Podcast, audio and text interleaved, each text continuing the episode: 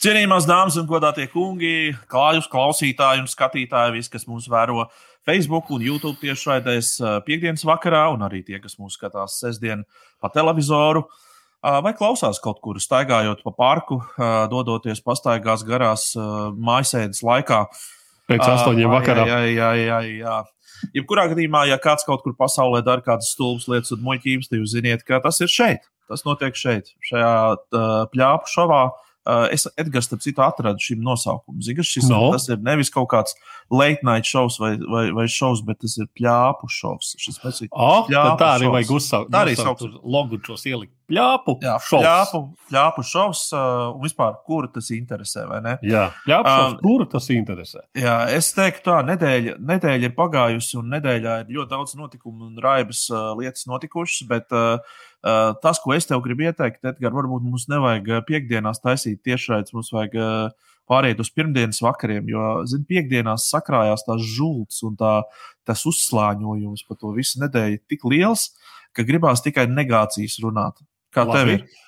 À, ko tu iesaki pirmdienas vakarā darīt? Nekas vēl nav noticis. Mēģināsim prognozēt. Mēs būsim uh, pļāpu šovs, kur tas vispār interesē. Skatīsimies stikla lodē šonadēļ varētu būt tas un tas, vēl varētu notikt tas un tas. Uh, Tāpat jau būs skatās, ko, kuram ir ērtākie kas. Jā, es, es domāju, ka, nu, jebkurā gadījumā mājasēdes laikā tas ir vienalga, vai tā ir pirmdiena, piekdiena, vai sestdiena, vai ceturtdiena. Visas dienas tāpat ir vienā putrā sajakušas, vismaz man. Nu, jā, bet vai to atskaiti ievērot to, to, to, to, teiksim, šito pļāpu šovu nedēļu no raidījuma līdz raidījumam, ar, teiksim, ja reizes septiņās dienās, jā, tad, tad, tad no tā līdz tam. Jā, un uh, mums ir uh, 38. raidījums, un uh, pa, pa vienam skatītājam nāk klāt katru reizi 38 skatītāji. Kā, tas, okay, ir, tas, tas, ir, uh, tas man liekas, pārliecinoši. Uh, pārliecinošs rādītājs. Zini, ko es tev gribu izdarīt? Es tev gribētu ieteikt vienu, um, uzorganizēt mums vienu konkursu. Ko tu saki? Mēs varētu nu, uzorganizēt nu, vienu konkursu. Tikai lai tur nav jāēd kaut kādas asās lietas, piemēram, šitādas. Jā, o, jā. jā šitādas. tu baidies no tādiem konkursiem, jā? Ja? Es baidos, tāpēc, ka nu, pat mēs runājām pagājušo nedēļu ar Edgars Bāliņu, viņa to smirdīgo zīvēdīs, tu biji sēdies kaut kādu divu miljonu, kaut kādu aso piparu. Kas tas bija? Tagad ir mana kārta, un es varu pateikt, ka es nepiedalījos nevienā konkursā. Es pilnīgi labprātīgi savu pelmenim uzķeselēju virsū šitādu MBL OLEK, nu vēl pagaidām es seju nejūtu. Gan jau atgriezīsies. Labi, ja, ja man bija visām citādi konkursi ir. Jā. Jā, konkurss ir atbalstām lieta, vai ne? Jā, vismaz no tādas puses. Jā, var sakot, lieta tāda. Man sanāca šonadēļ pēc astoņiem atrasties ārpus mājas, un es biju sagatavojis savu, savu apliecinājumu dokumentu, bet nu, man neviens tā kā nepienāca un nepaprasīja to dokumentu. Bet, nu, es jau visu kaut ko tur biju sarakstījis, visādas tādas gudras lietas. Un tad man ienāca prātā doma, ka faktiski mēs varētu izsludināt tādu radošumu konkursu par to, ko rakstīt iekšā tajos apliecinājumos un pašapliecinājumos. Es varbūt noš, uztaisīšu šādu ekrānu, var redzēt, vai ne? Tagad. Uh -huh. um, nu, mēs te varētu paskatīties kaut kādus piemērus. Uh, pirmais piemērs. Uh, nu, es vārds, uzvārds un personas kods, protams, aizkrāsoju. Uh, tātad es atgriežos tāds un tāds, personas kods tāds un tāds, atgriežos mājās droši vien adrese iekavās no ielgušas, bet iepriekš plānotas un saskaņotas iedzeršanas ar draugiem. Diemžēl ministra kabineta noteiktā mājasēdē eh, tika noteikta laikā, kad eh, notika šī iedzeršana, un man nebija iespējas piekļūt komunikācijas iekārtām un masu mēdījiem. Šī diena, lai dotos mājās, tika izvēlēta slikto laikapstākļu dēļ, cerībā, ka uz ielām patrulēs mazāks skaits likumsargu. Aicinu būt iecietīgiem pret pilsoni. Parakstījies cilvēks ir kā Latvijas Republikas pilsonis, iekvās vakcinēts. Lai, nu, lai ir viss skaidrība. Ja, tātad. Nu, piemēram, plānojas iedzert un uznākt to tā mājasēdi. Nu, kā, protams, ka nu, jā, nu, nu, vajag mājās tagad iet un kaut kā, kaut kā izskaidrot šo visu situāciju. Vēl starp Labi. citu, pašapliecinājumā, nu, ja jūs attiecīgas profesijas kaut kādu pārstāvju esat, eh, nu, tur var tā radoši izpausties, piemēram, apkalpojot klientus, piegādājot pirmās nepieciešamības preces un pakalpojumus ķermeņa un gara apmierināšanai. Tas tā skaitā zīmēšana, dažādi novārījumi, tantriskā masāža, lavānas un citi. Esmu spiesta atrasties uz ielas ministra kabineta noteiktās mājasaites laikā. postskriptu. Man arī patīk fotografēt tukšas ielas. Nu, tā kā tāds arī uh, policists varētu būt iecietīgi pret šādu. Protams, ne? ņemot vērā, ka pusi no Latvijas iedzīvotājiem zinātnē netic. Kā nu, tas ir. Jā, tur jā. jau ķirzaks zobi, tūlīt ir vajadzīgi tagad, un tūlīt un visu. Nu, tā, Jā. Un, starp citu, arī, arī mediju, mediju pārstāvji, atrodoties uz ielas, noteikti var uh, rakstīt apliecinājumus pietiekami radošus. Nu, Piemēram, kā šo uh, pārstāvot mediju, es, vārds uz vārds, reportieris no Brīvvalsts TV, atrodos uz Oh. ielas noteiktās mājasēdes laikā. Jo es gatavoju sižetus par to, kā valdība iznīcina savu tautu, vēršot pret to vismaz četrus genocīdus vienlaikus. Aicinu jūs pakļauties tautvaldības gribai un ignorēt noziedzīgo režīmu, kur uzdevumā pildāt darba pienākumus. Un, starp citu, piesakojiet mums YouTube un Facebook sociālajos tīklos, hashtag noziedzība, genocīds, kariņš, pandēmijas nav fake news. nu, protams, jā. Tas ir jā, ļoti labi. Jā. Un, un tad mums, starp citu, ir iesūtījis arī uh, aizsū, ie- iesūtījis, uh, savu paziņojumu policijai arī tāds uh, pilsonis Alts Gobzems. Es tāds un tāds, personis kods tāds un tāds, esmu saimnes deputāts un varu darīt, ko gribu. Loģiski, ka tas ir pavisam, tas ir pavisam vienkārši un loģiski attaisnojošs iemesls. Labi. Jā, protams. Okay. Jā, tā kā fantazējam un, un, un, un, un, un Jā, un starp citu, sūtiet, sūtiet reku pasts atdiena pēc.lv, pasts atdiena pēc.lv savus, uh, savus interesantos uh, pašapliecinājumus, ap, apliecinošos dok, šos te iesniegumus, vai kā viņus tur sauc. Un, jā. uh, Ticiet man, jūs uh, saņemsiet no mums ar eg eglīti balvu. Es gan skaļi to nevaru teikt, jo nu, tas ir attiecīgi akcizētā prece. Un, uh, un, tā ir akcizētā prece, un, un mēs nevaram uh, publiski. jā, mēs nedrīkstam dāvināt tos certifikātus. Tur atliek tikai vārdi ierakstīt, vai ne? Jā, jā. Tā. Oh, jā. Tas labais, ma- labais, E- labais. Eglītis ļoti labi māca zīmēt QR kodus. Viņš māca O. zīmēt visus. Tas labi ir. Vai ne? Tā kā visu rudeni ar to nodarbojos un tirgoju antivakseriem šos QR kodus. Jā, tā Jā. kā, Es domāju, ka mums ir jāķerās klāt, jās, jāsaprot, kas šajā nedēļā noticis. Jo noticis ir ļoti daudz, vai ne?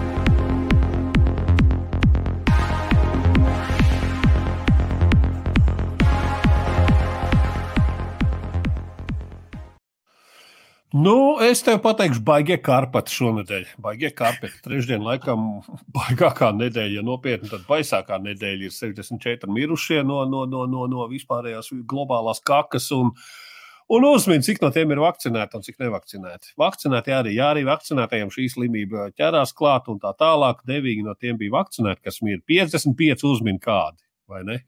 Kā. Mm -hmm. Es domāju, ka komentāri ir lieki. Un, nu, tas ir kaut kāds, anti, kaut kāds antirekords. Man liekas, jebkuram normālam cilvēkam pasakot, ka dienā šitāds cipars nomirst no šitā sūda, tad vienkārši teciņiem, teciņiem uz tuvāko vakcinācijas punktu. Bet, Zini, par ko es aizdomājos?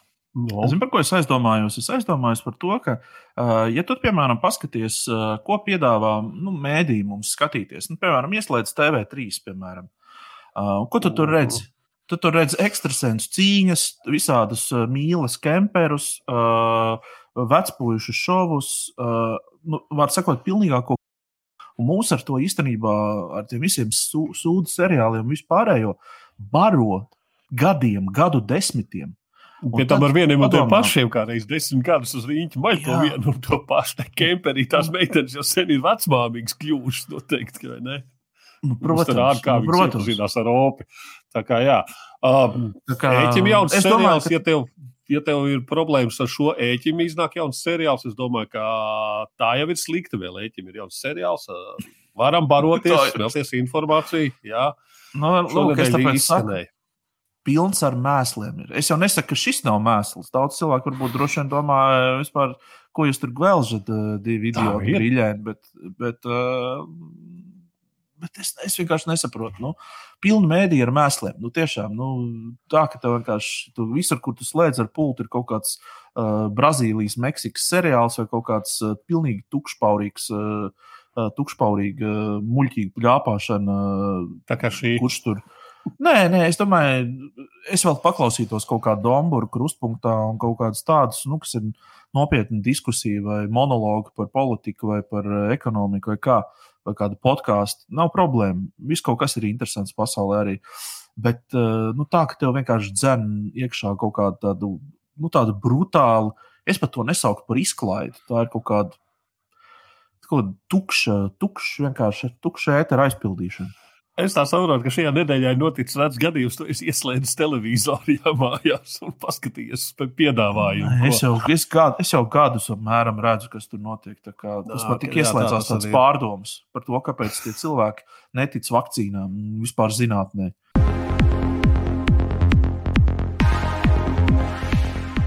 Kas vēl? Uh, es redzēju cepienu pār Tehubu. Tehubā, jā. Ehabā tos izmet uz ielas, cik es saprotu, Punkulis pašā beigās kaut ko nobalsoja. Iepatikās viņiem tā māja, ko Tehams par savu naudu laikam bija atjaunojis un visu kaut ko darījis un iedzīvojies. Un tā. es baigi neesmu iedziļinājies visā tajā, tur, kas ko, ko un kā, cik ilgi līgums un kādas tur garantijas visam kam bijis, bet nu, tas, tas, zikām, tas, tas mūsu kopējais burbulis uzsprāga. Jā, es nevaru pateikt, eh, kā apmēram tur bija. Tā bija Latvijas Universitātes sēka, Kronvalda, Kronvalda iela vai četri, jā, vai bulvārs. Un um, tā, tā, tā ideja bija tāda, ka, nu, tā kā universitāte no tās ēkas eh, vai tā kā atteicās, vai viņi, viņi kā kaut kā viņiem atpirka no, no viņiem to visu. Tik, tik smalki varbūt to nezinu. Bet uh, ideja bija tāda, ka tur bija pašā pamatā plāns iekārtot uh, Latvijas Mākslas akadēmijas tur, tur kaut kādu vietu. Tad, protams, nāca jaunās konservatīvās partijas uh, uh, deputāts, un, un, un, un tā kā Andris Bērziņš no Teka arī ir saistīts ar jauno konservatīvo partiju, tad, protams, uh, nu, tas viss, uh, ka Tekabam tur ir jābūt kaut kā nonāca arī līdz valdības dienas kārtībai. Uh, un, protams, ka Tekaps meklē telpas un tā tālāk, bet nu, Nacionāla apvienība ar Puntuli un arī Mākslas akadēmija bija jau tur savus plānus sarakstījuši un sarasējuši. Un tad izcēlās cīņa, nu, kuram tā ēka pienāksies.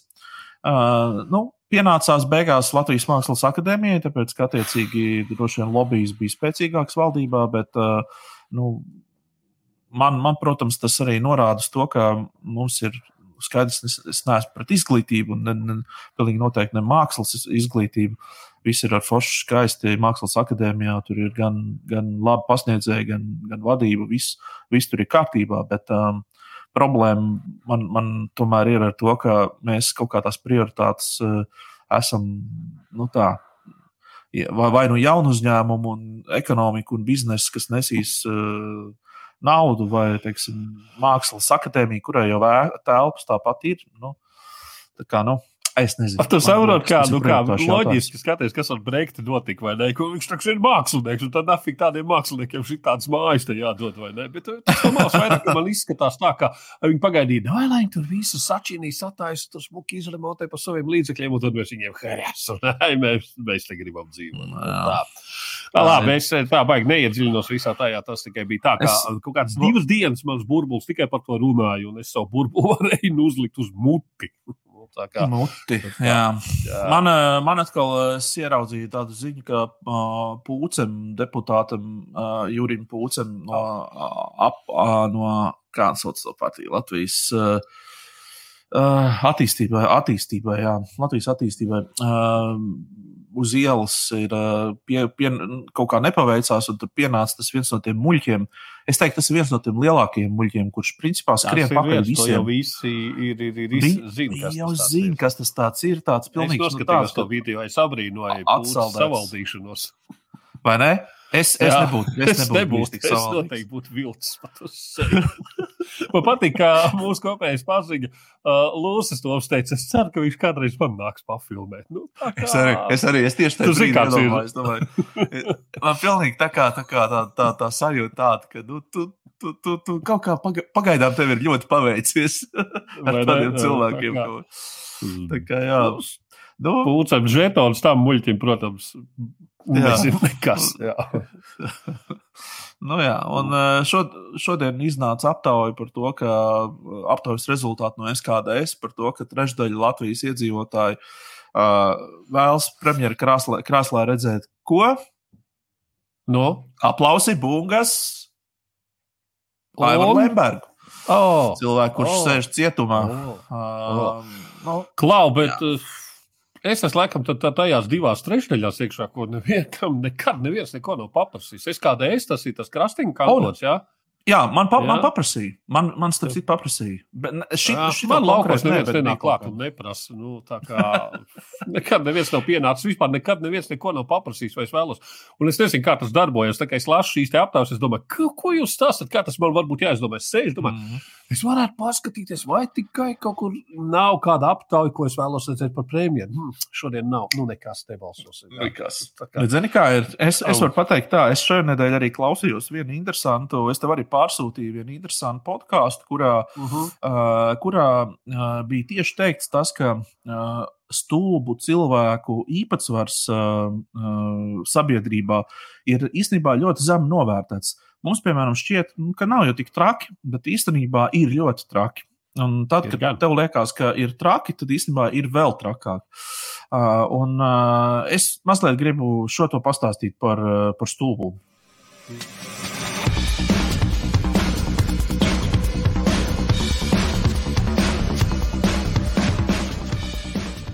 Nu, lūk, tas, ko es gribu stāstīt, šeit ir tāda, tas, ko es tajā podkāstā noklausījos. Man liekas, ļoti interesanta teorija. Varbūt jums arī skatītāji, klausītāji, šis varētu likties interesanti.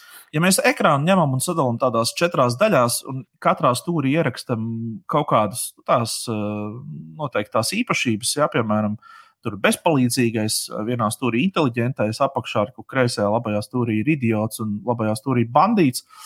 Tad uh, tam ir patiesībā katram šim kvadrātam ir savu tādu skaidrojumu, un, un, un mēs varam arī paši padomāt, kurā, kurā apmēram pusē mēs paši atrodamies. Tas ir īstenībā tāds interesants vingrinājums. Uh, reku, sāksim ar bezpalīdzīgo. Bezpalīdzīgais, te, kur tas sarkanais punkts, atrodas tātad cilvēks, kurš rada labumu citiem. Tātad viņš droši vien ir kaut kāds tāds. Uh, tāds cilvēks, kurš visu laiku domā par citiem cilvēkiem un tā tālāk, un, un se, sevi neliek pirmajā vietā, nu, viņš tā kā nerada nekādu labumu vai nekādu pievienotu vērtību sev. Tātad viss, par ko viņš domā, ir viņš domā par citiem cilvēkiem. Un tādas dzīves situācijas, es domāju, gan man, gan tev, Eģiņi, ir bijušas. Mēs uh, apmēram puslīdz esam šajā kvadrantā kādreiz droši vien mm. arī. Tā, labījuši. kur tas saka, kur man jāieraksta? Bezpalīdzīgais, jā. Ja? Bezpalīdzīgais, jā, nu, reku, tu, Labi. tu, tu, es nezinu, uz ekrāna tu redzi? Ne. Neredzu uz ekrāna. Oh, okay. Es esmu, oh, es neesmu nošērojis, reku. Ir. Ah, okay. okay. Nu, nu, redz, kārtībā, tad es varu nezīmēt. Nu, redz, nu, redz, tātad uz, uzzīmējam šitā, es, es tev parādīšu priekšā. Redz, ka tātad kreisajā pusē augšā bezpalīdzīgais. Viņš rada labumu citiem, bet nerada labumu sev.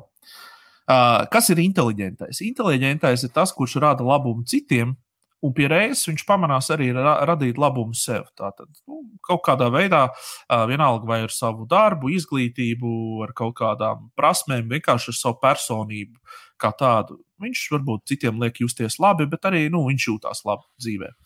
Tātad um, apakšā ir uh, bandīts. Ja? Tātad, tas ir cilvēks, kurš rada labumu sev, bet nerada labumu citiem. Tātad nu, mēs tā varētu iedomāties, nu, uh, kaut kādi Nu, piemēram, es tikai tā ieminēšos, Šlesers, piemēram. Ja?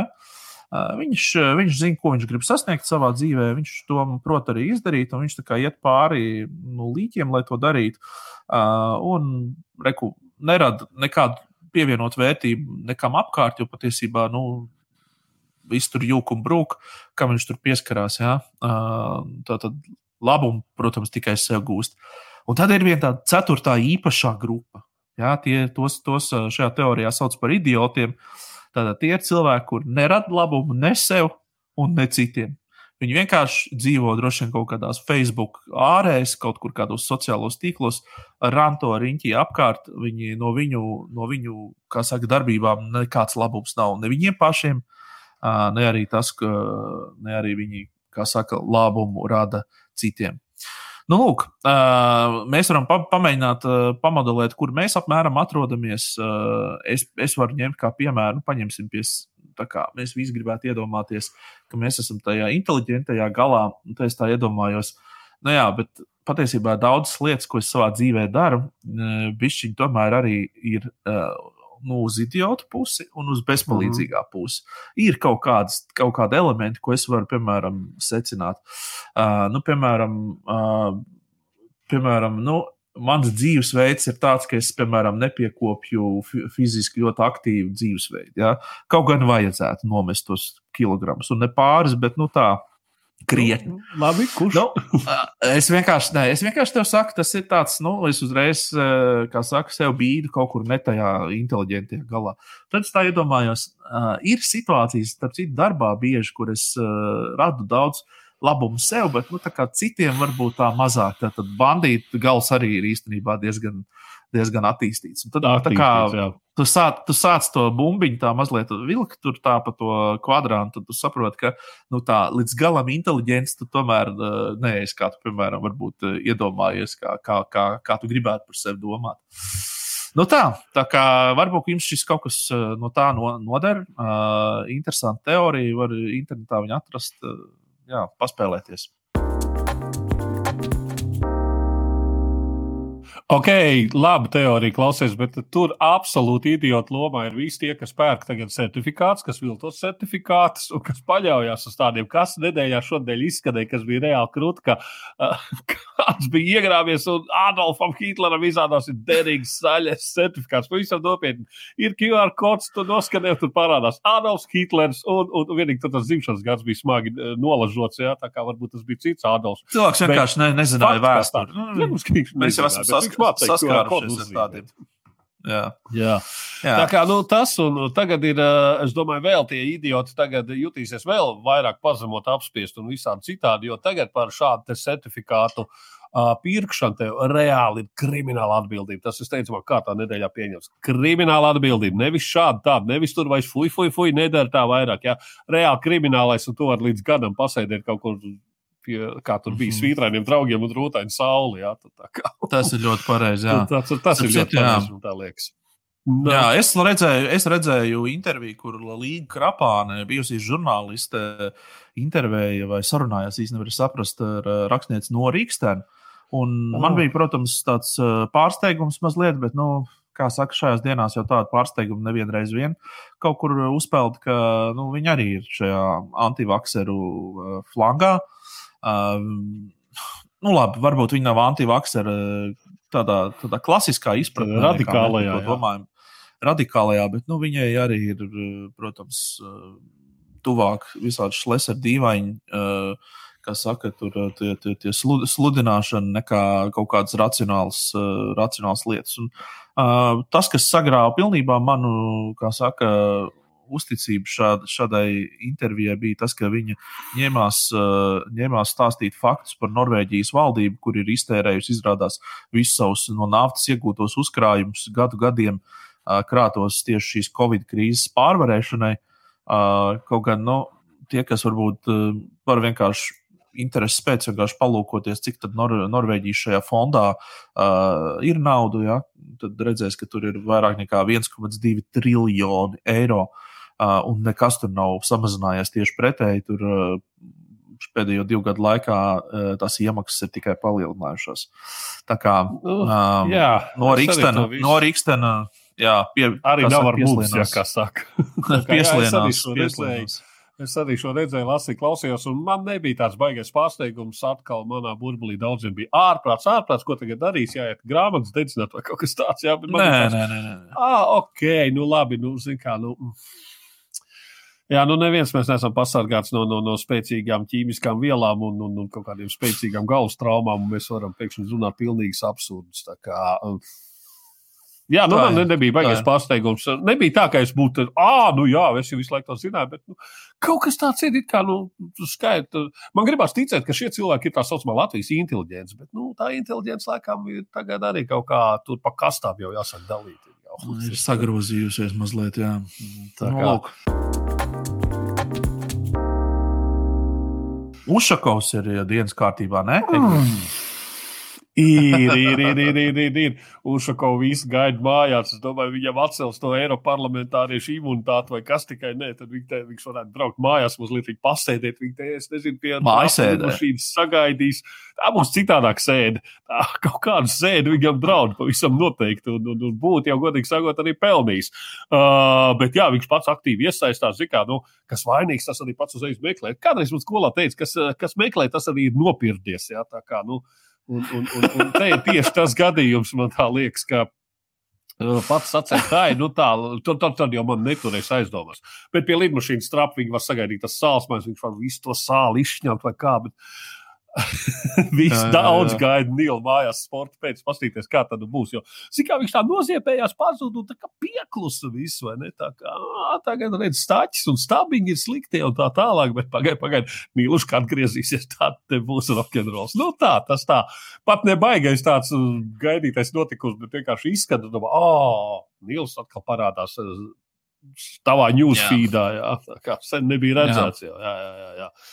Starp citu, jā, es atkal pamanīju šajā nedēļā to, ka man principā saslēdzās šajā nedēļā daudz skaitļu kopā. Uh, viens es paskatījos, atcerējos un atcaucu atmiņā, cik procentu Latvijas iedzīvotāji no, nobalsoja pagājušajās vēlēšanās par, uh, par, par uh, KPVLV partiju, kur nu, tagad, ah, principā, jā. jau ir izjukusi. Uh, nu, tātad tas ir, cik tad viņi tur bija? 15%. Tad es, tad es atcerējos to, ko tu rādīji, ka trešdaļa tātad, iedzīvotāji Latvijā eh, neusticas zinātnē un zinātniekiem. Ja? Tātad, mm.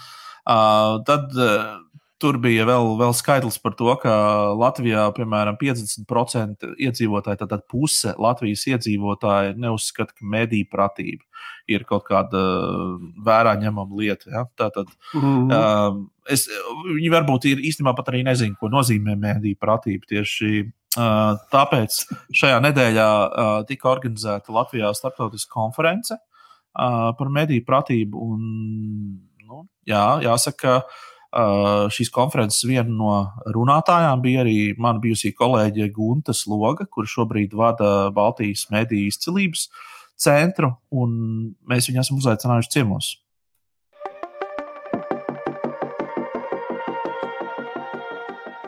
Čau, Gunta! Čau, čau. Es iepazīstināšu Gunteru, mana bijusi kolēģe no dienas laikiem. Viņa šobrīd vada ļoti svarīgu organizāciju Baltijas Mēdī izcelības centru. Dažos vārdos Gunte izstāst, kas, kas ir vispār, kā, kā jūs varat nodrošināt mēdīju izcelību Baltijā, kā tas izskatās vispār praktiski. Jā, tas nosaukums dažkārt uzliek milzīgu slogu cilvēkiem. Vajadzīgi. Garo nosaukumu.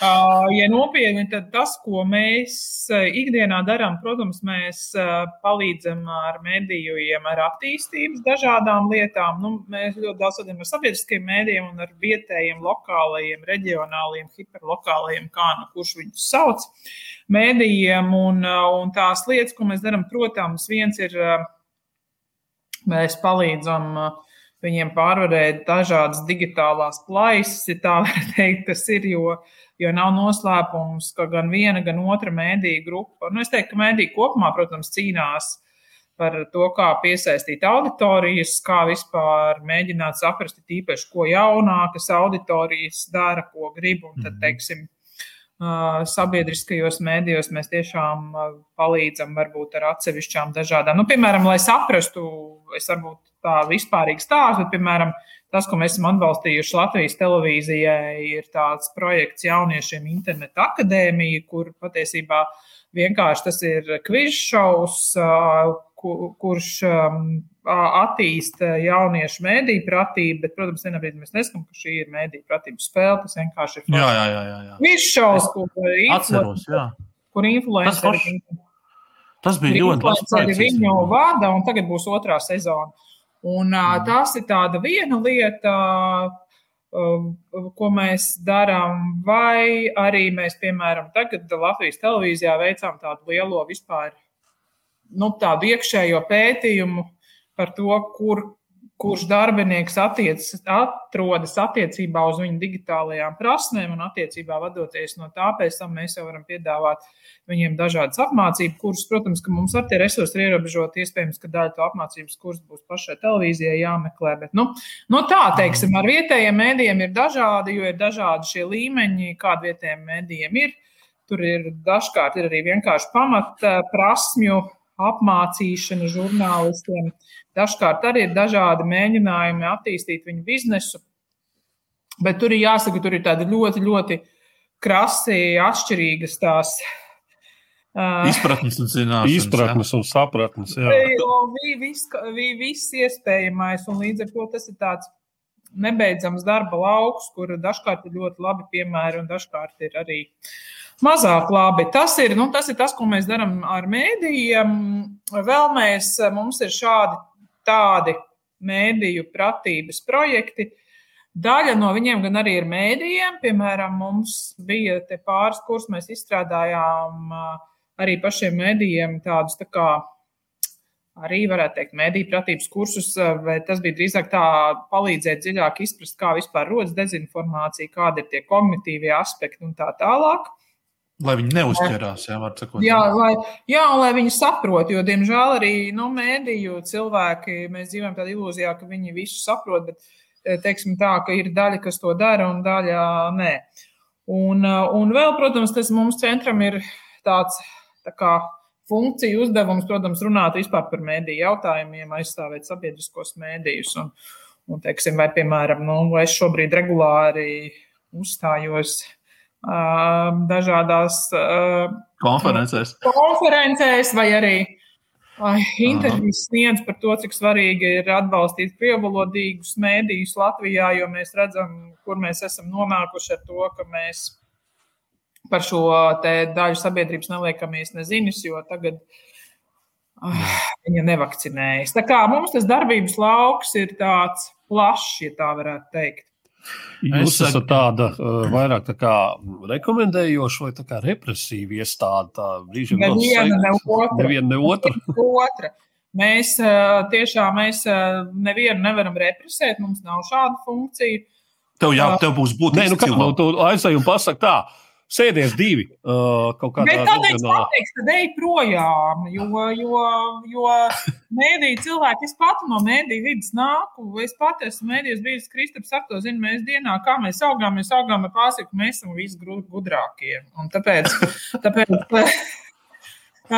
tu nevari aiziet uz redakciju un teikt, jūs visu darat garām. Tas ir, nu, drīzāk tā, ka Jūs darat visu ļoti labi. Nu, varbūt... tad kā skatās tajās redakcijās, ka jūs ierodaties? Kā tad skatās? Jūs, ka labāk jūs redzat, kā ejam, nekā akli. Kas? Kas ir tas, kur ir mūsu laime, ka viņiem visu laiku trūks naudas, uh, lai dažādas lietas ieviestu. Un tāpēc, tāpēc eh, mēs esam vajadzīgi. Pat ja mēs dažkārt arī kaut ko pasakām uh, sliktu. Un, protams, ka ir bijis arī Nē, kopumā patiesībā mēs ar jokojam, kopumā tas ir ļoti konstruktīva sadarbība. Es atzīšu, ka jā, ir bijuši gadījumi, kur mums ir lūgts, piemēram, arī izvērtēt um, kaut kādus raidījumus, un pēc tam raidījuma autori eksplodē. Bet nu, tas ir um, mm. arī normāli. Tas, kas bija interesantāk, es, protams, nesaukšu šo visu vispār vārdā, bet Interesantākais bija tas, ka raidījuma jaunajā sezonā mūsu rekomendācijas vienalga bija ņemtas vērā. O, tas ir ļoti labi. Tas ir pats svarīgākais īstenībā. Lai jau sākumā ap, apvainojās. Es domāju, ka tas ir dara kā vajag. Jā. Es Guntev redzēju, ceturtdienā uh, uzstājāmies konferencē par mediju pratību, un uh, tev bija tāda ļoti laba kopsavilkumi. Paiesim varbūt katram no tiem trim kopsavilkumiem cauri. Uh, Pirmais ir, nav koordinējoša institūcija vai cilvēks Latvijā, kas vispār nosaka kaut ko par mediju pratību un tās politiku.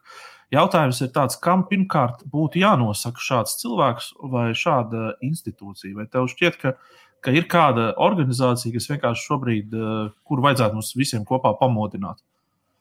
Nu, protams, te ir vienmēr tas uh, lielais jautājums, kā katra ministrija vienmēr vilks deķīt uz savu pusi un tā tālāk. Es, es šobrīd to nevaru pateikt, vai tā ir kultūras ministrija, vai, vai tā ir, es nezinu, labi, prezidenta kanclere, varbūt nē, bet, Bet, bet mēs redzam milzīgu problēmu šobrīd, jo, jo es jau patiesībā tajā konferencē vispār atnācu. Tur līdz tam viss stāstīts, ka viss ir rožāni, un tad atnācu teicu. Tā arī bija. Tas ir, ja jautā par manām funkcijām, tā ir vēl viena mana funkcija. Visur iet un pateikt kaut ko, to, ko citi nevar. Kā ir? Kā ir pateikt, kā ir, jā. Ko citi neuzdrošinās pateikt. Tā kā es, man nav padoma, kur tā institūcija būtu, bet, bet, bet nu, šobrīd ir tā, ka tādā izteikuma līmenī, protams, ka visi ir par mēdīju pratību, par mēdīju pratību. Bet, piemēram, nu, atkal tīri nevien darīšanas, bet arī finansējuma jautājumā, tur mm. vispār ir tāda nu, ļoti, ļoti, ļoti, ļoti maz iesaistīta. Un tad, piemēram, nu, Mēs zinām, tā pati izglītības un zinātnes ministrija, kur varbūt teorētiski viņiem būtu jābūt, bet par viņu kapacitāti bijusi kritika dažādās jomās pastāvīgi. Un, un arī, piemēram, mēdīņu pratība labi ir viss, tātad valsts izglītības satura centrs, kurš vēl iesaistās, piemēram, ministrija kā tāda. Brīžiem, ja mēs zinām, kādas tur runātājas, ar ko viņi vispār norobežojas. Tā kā nu, tā aina nav tāda šobrīd. Uh, priecīga. Un nezinu, vai tas ir, protams, šobrīd Nepals, kā mēs redzam, arī savus muskuļus grib audzēt, jo tur arī vairāk saistība ar tām Eiropas saimnības regulām. Kur tā arī tā viņiem, kā regulātoram, ir viena no funkcijām. Vai tas ir Nepals, bet nu, tīri kāds, kurš jo šobrīd šajā šodien, ceturtdienas konferencē ļoti skaisti visu runāja, ka beidzot ir jāizstrādā tā kopējā stratēģija. Nu, tad vienam ir jābūt tam, kurš uzrauga, kā tā stratēģija Jā. tiek ieviesta. Tad, tad attiecīgi, ir tas lēmums. Man kaut kā šķiet, ka tajā būtu ir kultūras ministrijai, jo par mediju politiku taču Latvijā atbildīgi ir kultūras ministrija. Nu, Jā, tā ir. Tā, tas ir pavisam loģiski, bet nu, tur atkal ir. Mēs atgriežamies pie jautājuma par šī brīža kapacitāti. Es nekādi negribu kritizēt šo mediju politikas departamentu, ja, bet, ja mēs paskatāmies, cik tur cilvēku strādā, ja, nu, nu, Nē, tas ir prioritāts jautājums. Tas ir tikai prioritāts jautājums. Absolūts prioritāts jautājums. Ja mēs izlemjam, jā, šī ir kultūras ministrija.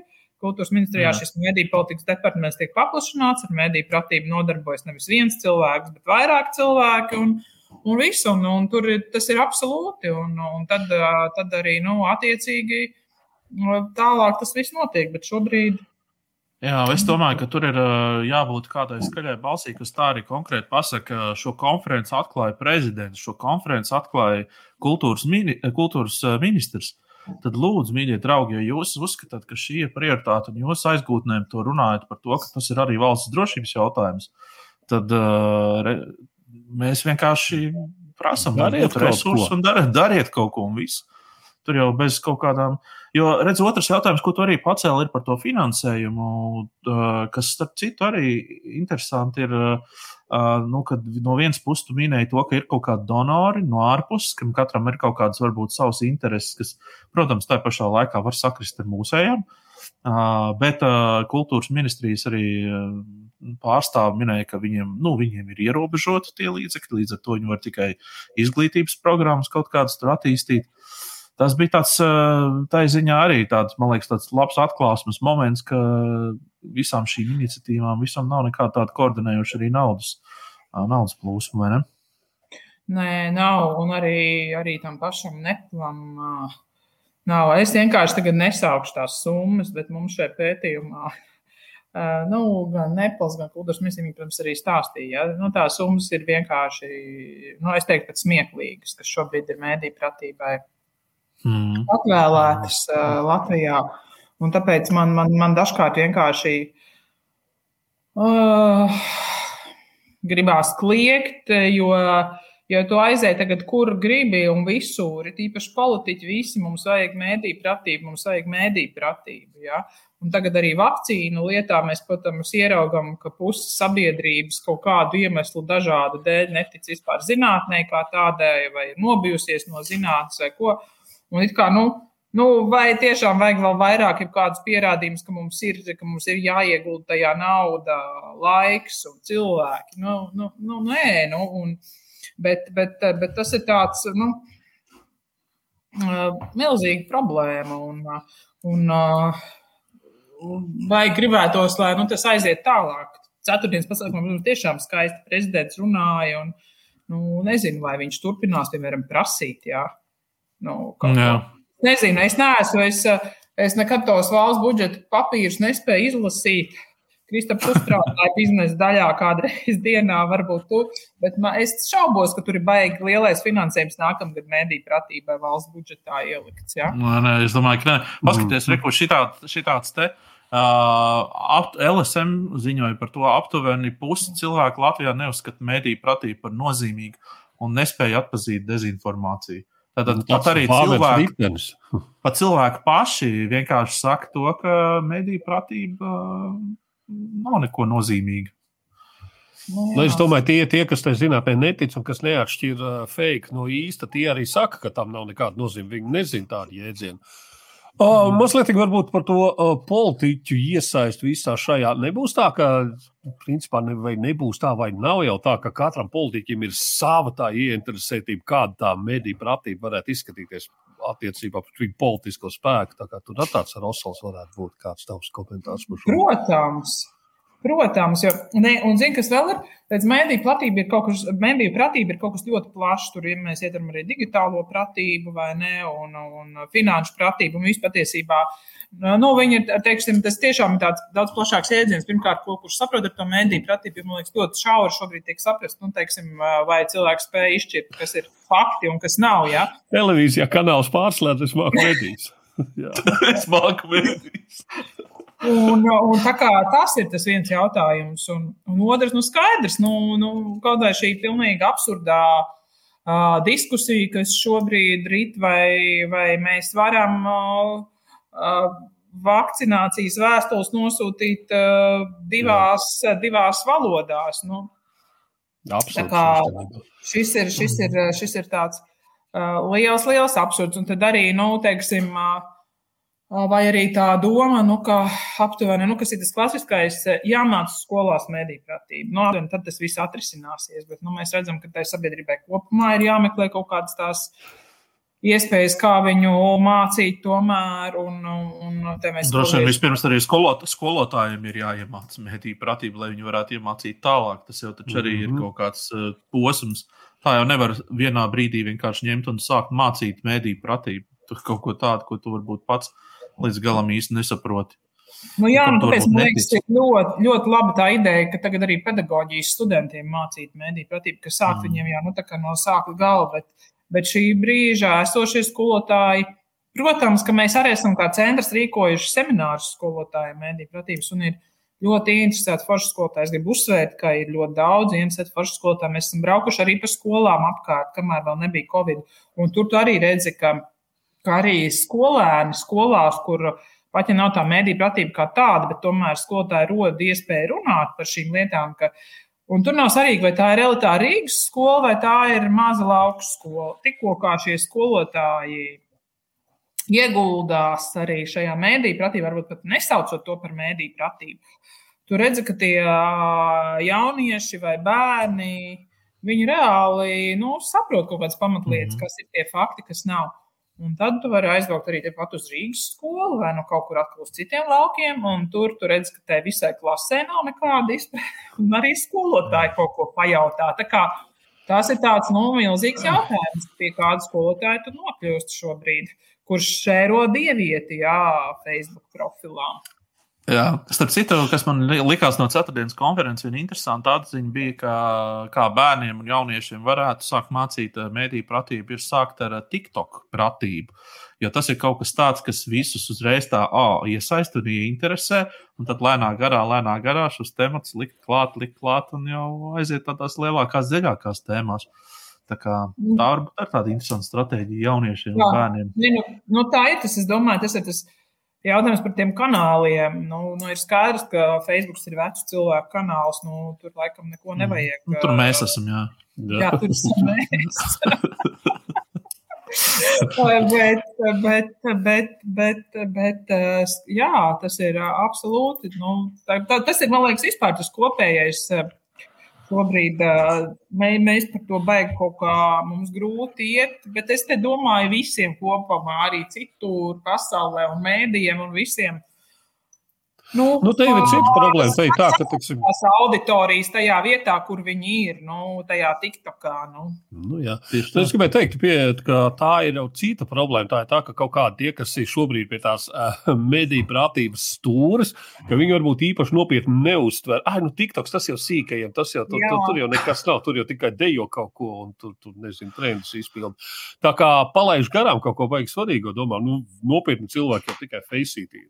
Jā, mēs esam nopietni, mēs esam. Kā, jā, protams.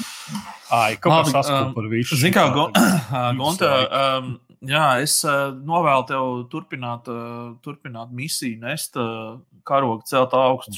Mums, mums vajag, mums vajag mēdīju pratību. Kaut kādā veidā mums šo vajag caursist. Es nezinu, kā jāizdomā kaut kāda stratēģija pašiem. Tik tā kā. Tik- sāc ar to. Jā, sāc ar to. Jā, Jā. jā. Lai tev, lai, lai tev, kā saka, sekmīgi un viss izdodas. Un paldies par to, ko tu dari ar, ar, Jā, ar, ar, ar šī- brīža aktivitātēm. Čau! Jums ir paldies. Jā, Jā, tā, čau. tā. Čau, Māri! Sveiks, Māri! Klau, tu tāds priecīgs, smaidīgs, kur tu esi? Pat runāt, ka tu esi ļoti tālu kaut kur aizlaidies mājasēdes laikā. Nu, ņemot vērā visu, kas notiek Latvijā, mēs ar ģimeni pieņēmām lēmumu um, šo te komandas stundu pārlaist Kiprā uz pāris nedēļām. Tā kā Esam veiksmīgi Ok. šeit pārvākšies. Nav par ko bēdāties. O, tā ir lieta. Covid, nekas, nu, tur vai tā ir cita planēta. Kā? Nu, zini, mēs te bijām arī pa ceļam Itālijā. Tad darba darīšanas bija iebraucis. Jāsaka, tā, šajā galā par Covid atgādina vien tas, ka ir uh, cilvēks staigā maskās, protams, dezinficē rokas. Nu, viss tā lidošana tā ir kļuvusi stipri sarežģītāka. Nu, mēs pat cik lidojam maziem bērniem, tad vieniem vajag testu, otriem nevajag. Tad tur prasa, neprasa. Nu, reāls piedzīvojums, jāsaka, godīgi. Jā. Jā. Es, es pasakoju atkal līdzi mazliet taviem uh, sociālā tīkla ierakstiem. Tu palicis aktīvs sociālajos tīklos, uh, debatējot ar mūsu bijušo premjeru. Tas ir ļoti interesanti. Interesanti temati tur tiek pacelti. Jā. Nu. Jā. Ir ko teikt par to tev arī? Nu, man ir ko teikt. Nu, man liekas, tādi cilvēki, kuriem eh, reāli nav atbildības dzīvē, viņi var, teiksim, internetā tur postot visu kaut ko par izvēles brīvību. Eh, Manā gadījumā es vadu uzņēmumu, kurā ir tūkstoši cilvēku Latvijā un vēl tikpat daudz Lietuvā. Un katrs cilvēciņš, kurš nav vakcinējies, vai kurš klausās šādos cilvēkos un nevakcinējas, bet varētu vakcinēties, viņš principā apdraud mūsu uzņēmumu teiksim, darbības nepārtrauktību. Un, eh, protams, nu, teikšu godīgi, nu, man negribētos redzēt, ka kāds man tūs kolēģis uh, saslimst un vēl sliktāk nobirst. Ja? Un, uh, tāpēc manā skatījumā ir svarīgi izmantot tās medicīnas zināšanas, kas mums ir šobrīd, un uh, darboties racionāli, izmantot tās vakcīnas, un, protams, cerēt uz to, ka būs zāles un vēl kaut kas, kas, protams, palīdzēs arī izvairīties no saslimšanām vakcinētiem. Ja. Man liekas, mēs Jā. dzīvojam tādā laikā, kur ir ļoti daudz liekas informācijas. Un, ja, mums bijušie premjeri darā- dalās ar, ar teiksim, tā, tendenciozu informāciju, vai nespēja viņu objektīvi izskaidrot. Nu, vidusskolā es gāju, matemātikas stundas apmeklēju. Varu palīdzēt saprast datus, nav problēma. Starp citu, jā, es eh, par atbildību runāju, tas ir ļoti trāpīgi, ko tu teici. Man liekas, šeit ļoti sp- spilgti izpaužās tiešām visi tie, kas, kam, kam ir ikdienā jāuzņemās atbildība. Un ir tie, kuri vienkārši var joņot pāri, kā saka, virsrakstiem un, un uzdot visādas lietas par patiesībām un, un tā tālāk. Un, tas, tas stāsts par atbildības uzņemšanos un spēju uzņemties atbildību vispār ir kaut kāda ļoti aktuāla lieta. Zini, kā man liekas, arī smieklīgi tas, ka Latvijā, ja tu esi tā kā mainstreams, nu, tu teiksim, piekrīt zinātnē. Un tad uzreiz uh, ir vesela čūpa cilvēks, kas sāk rakstīt privāti, kaut ko draudēt. Uh, viņi sāk stāstīt, ka tu noteikti esi nopirkts. Un, uh, man ir grūti viņiem atbildēt, ka neviena politiskā partija droši vien nevarētu atļauties man nopirkt. Vienkārši viņiem nav tik daudz resursu. Tā varētu būt. to sviestu. Nu, kāpēc es to daru? Es to daru vienkārši vienu iemeslu pēc, jo latviešiem ļoti tipiski ir ainu, nav mans karš no sērijas. Ja, bet eh, šī ir tieši tā situācija, ka mēs esam šajā nožēlojamā situācijā dēļ tā, ka nu, mums globāli sakot, daudzas lietas ir vienaldzīgas. Ja? Nu, mums ir vienaldzīga politika, jo tur ir izskats, mums ir vienaldzīga antivakseri, jo viņi ir idioti. Ja?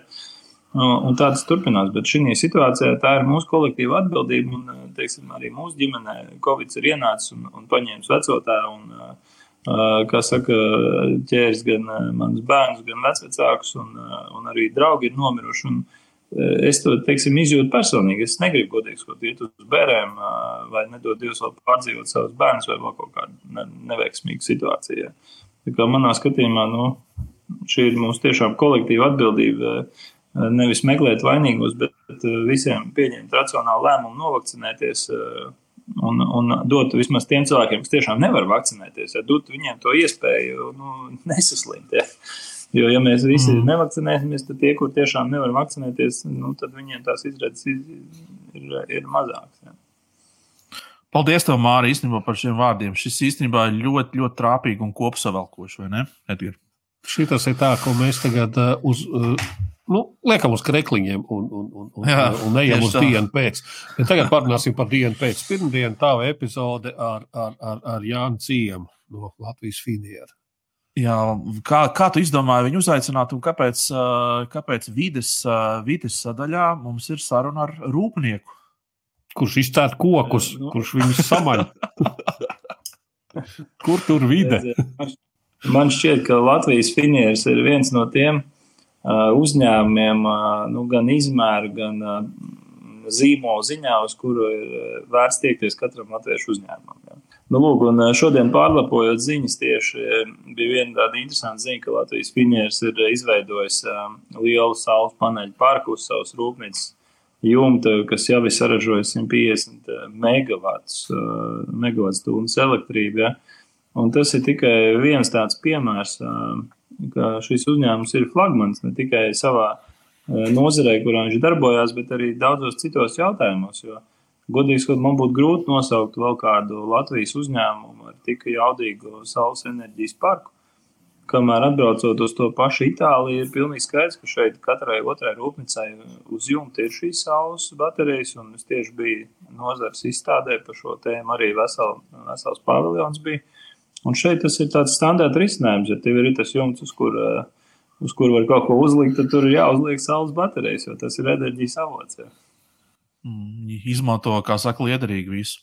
Uh, nu jā, uh, vai tev bija kaut kas tāds, kas uh, tev tajā sarunā pārsteidza, vai, vai lika, lika būt, nu, kā saka, ko tu varbūt citiem var ieteikt, uh, vai kā tam līdzīgi? Ir kaut kas, ko tu atceries no tā saruna, gan bija pasena.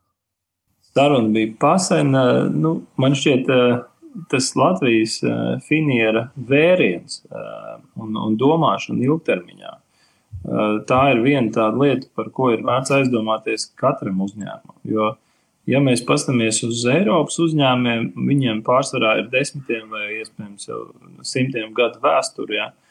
Diemžēl Latvijā viss šī komercdarbība kopumā ir bijusi vien 30 gadus, ja nepilns. Un, protams, tas, ar ko atšķiras Latvijas finieris, man liekas, no, no daudziem mūsu uzņēmumiem, tas, ka lai ražotu finieri desmitiem gadus priekšu, jau šodien ir jāplāno koksnes resursi pēc 10, 20, 30 un 40 gadiem. Un, tas, ko stāstīja Jānis, tas, ko es redzēju dabā no Latvijas finieru darbībām, ir skaidrs, ka šis uzņēmums par to domā, šīs bērnu plantācijas tiek veidotas. Un, nu, es domāju, Latvijas finieriem būs būt. Super, ļoti labi. Lielas mārciņas tev paldies, un uh, lai tev saule, lai tev, kā saka, drusku arī mazliet vējš, jo saulē tāpat vien. Ne, cik, te, cik tev, starp citu, grādu tur ir, pa, pa, pakārdini mūs? Nu, 27. tā kā mēs ielidojām. Reklā džīcās diezgan pasilts. Galvenais ir, lai stabils internets. Es domāju, tas arī šis īstenībā man personīgi būs tāds tests, vai var vadīt uzņēmumu attālināt, jo viss, viss sapulcs mums, protams, ir online. Office mums mm. praktiski ir cieta, tā kā notestēsim dabā. Kā Ar vēstulēm, caur pastu.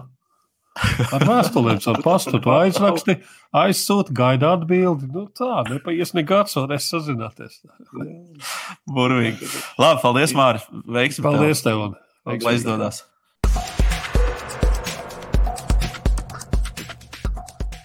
O, es arī gribētu būt Kiprā un Saulē un skaistā laikā, vai ne? Laimīgais mārs. nu, principā, jā, principā, jā. Nebūtu slikti kaut kādām siltajām zemēm aizspietot. Latvieši sastājās kāšos rudenī un aizlido siltām zemēm. Un, jo siltajās zemēs arī var dienu pēc skatīties. Un, nu, jā, parunājot par dienu pēc mazliet. Es zinu, tu gribi par to parunāt. Es zinu, ka es ļoti gribu. Man sirds ir pilna. Man sirds ir nu, pilna. Uh, es uh, gribu uh, īstenībā ieskicēt to, kas novembrī ir sagaidāms diena pēc tieši atkārtojumos, jo mēs trešdienām, lai, trešdienās laidīsim atkārtojumus. Pirmdienās mums būs, kā vienmēr, ierastas oriģinālās sērijas, tādas jaunās sērijas, jaunās mm. sarunas, aktuālās sarunas. Bet uh, mēs esam tieši ar Eglīti piemeklējuši tādas uh, labas sērijas uh, tieši novembrī, uh, mājasēdes laikā. Uh, piemēram, ir saruna ar Mārtiņu Bērziņu, uh, kurš ir Citadels uh, jauno produktu attīstības tas, uh, vadītājs. Un viņš stāsta par tādu interesantu, interesantām visādiem instrumentiem un lietām, nu, piemēram, ko un kā organizēt un lietot um, tādās uh, mājasēdes laikā darbu pietiekami produktīvi. Nu, tur ir visādas mm. piezīmju lietas, prezentēšanas lietas un, visādas tādas foršas, uh, visādas instrumentus. Ja par tad, runājam, tad, lai nesajūgtu prātā, tad, tad, tad, tad ar Nilu Saksu, Konstantīnu, viena piemeklēta epizode, atkārtojums gan. Jā. Bet tās ir jā, lietas, kas, kas, kas, kas, kas visu laiku ir aktuāls, īpaši uh, Ai, un diemžēl jau vēl kādu laiku būs aktuāls. Tā kā, nu, jā, tā tāda nopietnāka tēma varbūt to mēs tagad baigi neapsmaidīsim. Kā, jā, nu. jā, un tad ir, tad ir, protams, arī sērija par, nu, ja jau reiz mēs par mediju pratību šodien runājam, tad arī par finanšu pratību. Uh, vienalga, vai maisēta vai nemaisēta, tas mums būs aktuāls jautājums vienmēr. Tad parunāsim arī ar Tomu uh, Kreitsbergu. Um, ar, gan, viņš ir gan rakstnieks, gan uh, cilvēks, kurš palīdz citiem cilvēkiem veikt saprātīgus un jēdzīgus, labus ieguldījumus nākotnē. Nu, tā kā finanšu mm -hmm. ieguldījumus, es domāju. Uh, tad mums ir uh, dizaina, uh, dizaina lauciņš un uh, grafiskais dizains. Uh, Tu zini, kas ir Mikls Baštiks? Tu droši vien Edgars ļoti labi zini. Ne? Oh, nē, es nekad neesmu par to dzirdējis. Tas bija no grupas Galaktika. Ja? jā, no Baltijas lāča. Baltijas lāča. Jā. Mikls Baštiks ir uh, grafikas dizaina viens no vadošajiem pārstāvjiem Latvijā. Mēs mm. runājam par pilsētu vidī, mēs runājam par dizainu kopumā, par gaumi. Man šķiet ļoti interesants uh, interesanta sērija, kura novembrī būs skatāms dienu pēc trešdienās. Īstenībā pašiem arī iesaku vēlreiz a, a, a, noskatīties savādāk. Man brīžiem liekas, tagad, ka dizains ir tikai PowerPoint. Tā kā jā, uzvākties šādas domas, kā diennaktī PowerPoint. Nu tā, tikā pa dienu pēc.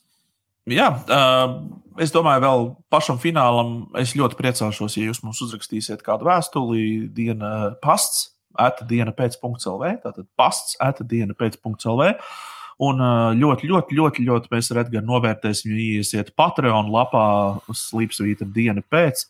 Un, un, kā saka, varēsiet baudīt visas, visas sērijas pilnā izmērā. Nu, tā tad pilnā, pilnās sarunas, kā saka, negraizītās, nemontētās.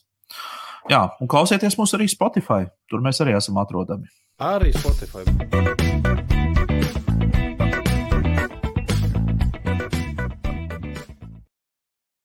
Nu, lūk, uh, Twitterizācija ir klāta. Uh, ja. Kad mums, kas mums labs Twitterī ir noticis? Lūk, oh, redzīt, Twitterī šodien, šonadēļ ir bijis lustīgi. Varam sākt, jā? Ja? Laižam vaļā. Aiziet. Es domāju, nav jāsaka, ja, kas ir noticis viens no tādiem skaļākajiem tādiem paziņojumiem, ka Facebook kompānija tiks pārsākta par meta, vai ne? Jā, tas izklausās pēc, zin, pēc kā?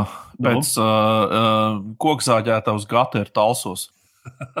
Bet, zināmā mērā, baigi daudz domā, ka to portālu, ka to, to internetu vietni pārsauks par meitu, ka tagad nebūs vairs Facebook aplikācija, viņiem tagad būs meita aplikācija. Nu, nē, tā nav. Nu, bet uz to balstoties ir jociņi. Un kā spānisās aiziet, kad jau meita, tad meita redz logo ir apspēlēts. Kāpēc? Kārtīgi klingerīti. Marks ir rokā. Aiziet tālāk, feta. Kāpēc neejam meita? Nu, vienkārši nomainām vienu burtu. Varētu būt arī feta. Kā, tā kā uh, smetāna, tas noteikti Krievijas versijā ies tagad uz Krievijas ārēm ies smetāna. Kas ir krējums, jā, tie, kas nezina, nu, šis ir mans favorīts, feta vēlreiz. Jā. nu, un eh, par šitiem visu laiku, man liekas, vēl šo baldienu ražo šitās mēmes un tā. Viens no foršākajiem bija, ka Aleks Kers, uh, teiksim, ne, nespēja, nespēja beigt domāt par lietu, ko Magnus Zakambergs it kā teicis, ka, ja jūs nomirsiet metaversā, jūs nomirsiet reālajā dzīvē, jo, nu, tā kā viss tas tagad būs, viss tas, tas, tas Facebook kompānijas pārējās, tad tas, tas metavers. Tātad tev ir, ja tev ir univers un ir metavers. Tātad ir divi versi. Jā, jā, tieši tā. Un, ja tu nomirsti tajā, tu nomirsti arī reālajā dzīvē. Labi, laižam tālāk. Roberts zina, teikt, ka uzzināja, ka kaimiņiem tic, ka vakcinētie var no attāluma atvērt vārtus. Es savukārt esmu dusmīgs, ka tā nav taisnība. Nu, tā. Tavējies uznācies, tu arī Twitterī. Es, tā, jā, es starp citu padiskutēju par, mēs nu, bija tāds viens raidījums, kur mēs runājam par elektronisko parakstu, un, protams, ka tad, kad es viņu ieliku sociālajos tīklos, tajā brīdī uh, parādījās cilvēki, kuri joprojām liecināja par to, ka valsts iestādes Latvijā neizmanto elektronisko parakstu, par ko es īstenībā biju mazliet šokēts, jo man šķiet, ka viņiem ar likumu tas ir jādara. Viņi, protams, izmanto elektronisko parakstu, bet viņi nevis sūta elektroniski cilvēkiem kaut kādus tos dokumentus, bet viņi joprojām drukā, uzliek, uzliek zīmogu, ka šis ir elektroniski parakstīts un sūta cilvēkiem. Tad vienkārši mēs joprojām dzīvojam. Nopietni. Jā, jā oh, Rīgas, šis konkrēti ir Rīgas uh, domas, uh, uh, ja nemaldos, uh, tā arī ir. Uh, ting, ting, ting. Uh, pilsētas attīstības departaments. Jā. Aha, tā kā okay. šit, Te ļoti konkrēts grēkās. Bet šāds, šādus te mēs joprojām varam redzēt, ka it kā 21. gadsimtā un pie tā, ka mēs esam Eiropā visattīstītākā valsts tieši identitātes un e-parakstu jomā, mēs joprojām valsts un pašvaldību iestādes sūta dokumentus mums, uh, mums fiziski. Zini, kā es pat īpaši nebrīnos. Uh, mūsu savā starpā mēs arī komunicējam, uh, pārsūtām e-pastus ar kaut kādiem failiem vai nošērojam Dropboxā. Tu vienmēr pārzvani, tu saņēmi. Nu, tas pats, es domāju, nākamreiz es tev ierakstītu vēstuli, sūtītu konvertātu. Un tu man sūtīsi atpakaļ, jā, saņēmu. Tas nekas, ka tas aizņems kādu nedēļu, bet, nu, toties ir droši. Labi, laižam tālāk. Arta Brīce. Pārziņa ir antivaksera un liela bērnu nemīlētāja. Vakcinējās, jo ģimenes ārsts sastāstījis, ka vakcīnas izraisa neauglību. Tagad ir gaidībās ar viņiem ļoti nelaimīgi. Pareizi, bērni jau nav nekāda dieva maize, labāk nomirt no covid. Cik tas ir izdomāts? Cilvēks ir kaut ko līdzīgu, kas dzirdējis vai nē, bet nu vienalga, nu, fakts kā tāds šitas, ir. Šitas izskatās pēc tā, ka cilvēks pēc savas būtības ir nelaimīgs. Vienalga, vai viņš, viņš nemīl bērnus, viņš ir nelaimīgs bez bērniem, nelaimīgs ar bērniem. Viņam, viņam principā, viņa, viņa sūtība ir būt nelaimīgam. Viņš vienkārši, jā, viņas, oh, tieši tā, viņa sūtība ir būt nelaimīgam. Laižot tālāk, Valdemārs Bruģis. Nu. Jā, te ir uh, rakstīts tā, ka, uh, nu, ko jūs arī varat lasīt, uh, Daugopils slimnīcā ir piecreiz lielāka Covid mirstība nekā vidēji Latvijā. Daļa atved jau mirušus, Tātad viņi ir nomiruši šajās ātrās palīdzības mašīnās. Cilvēki līdz pēdējiem agonijas minūtēm nav ticējuši, ka Covid eksistē. Vairums slimnīcas sanitāru māsu palīdz, kurš šos līdzekļus nes, Covid netic un nevakcinē, nevakcinēsies. Klausies, nu, zini, kā ar tādiem, ar, ar, ar tas ir Daugopilī. Zini, man liekas, ja Jā. tā turpināsies, Daugopils pavisam drīz nebūs vairs otrā lielākā Latvijas pilsēta pēc iedzīvotāju no, tas skaita. Izklausās, tas izklausās ļoti melni no tavas puses, protams, atzīmē. Tas nav bet, mans, tas nav mans, tas ir arī redzēts kaut kur, jā. o, bet, bet, bet tas izklausās ļoti melni, bet uh, tajā pašā laikā tā, tos kvadrātus, kurus es rādīju, tur apmēram var izsacināt, ka, kur tā bumbiņa, kurā, kurā no tiem kvadrantiem tur uh, ir. Jā, okay. Vairāk neko neteikšu par to. Labi, laižam tālāk. Jomolejs tikko dzirdēja, ka viena dāma laiž vaļā no darba, jo viņa nesot vakcinējusies. Bet vakcinēties viņa nevarot, jo viņas dziednieks saka, ka nevarēs viņai palīdzēt, ja viņa būs vakcinēta. Skarbi laiki, mīļie, skarbi laiki.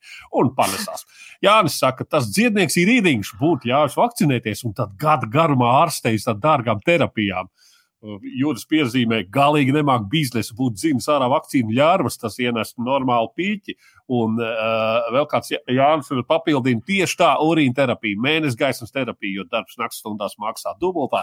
Jauno čipu izdzīšana, elektrošoka terapija, lai neutralizētu vakcīnas, GPS un Bluetooth čipus. Daudz variantu, kā nopelnīt. Tā kā, un tas ja būtu jūs gadiem. gadījumā esat dziednieki, iesakiet vakcinēties, bet sakiet, ka jānāk pie manis uzreiz. Ja?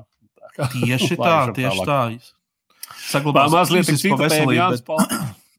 Jānis Valters saka, man bija vilšanās uzzināt, ka tu strādā McDonaldā. Liela, vidēja vai maza? Tāds dialogs. Ivars Brīsīs piebilst, ka vidējais vilšanās komplekts tas esot bijis. Un Jānis Kols saka, dubulta un ar piedevām.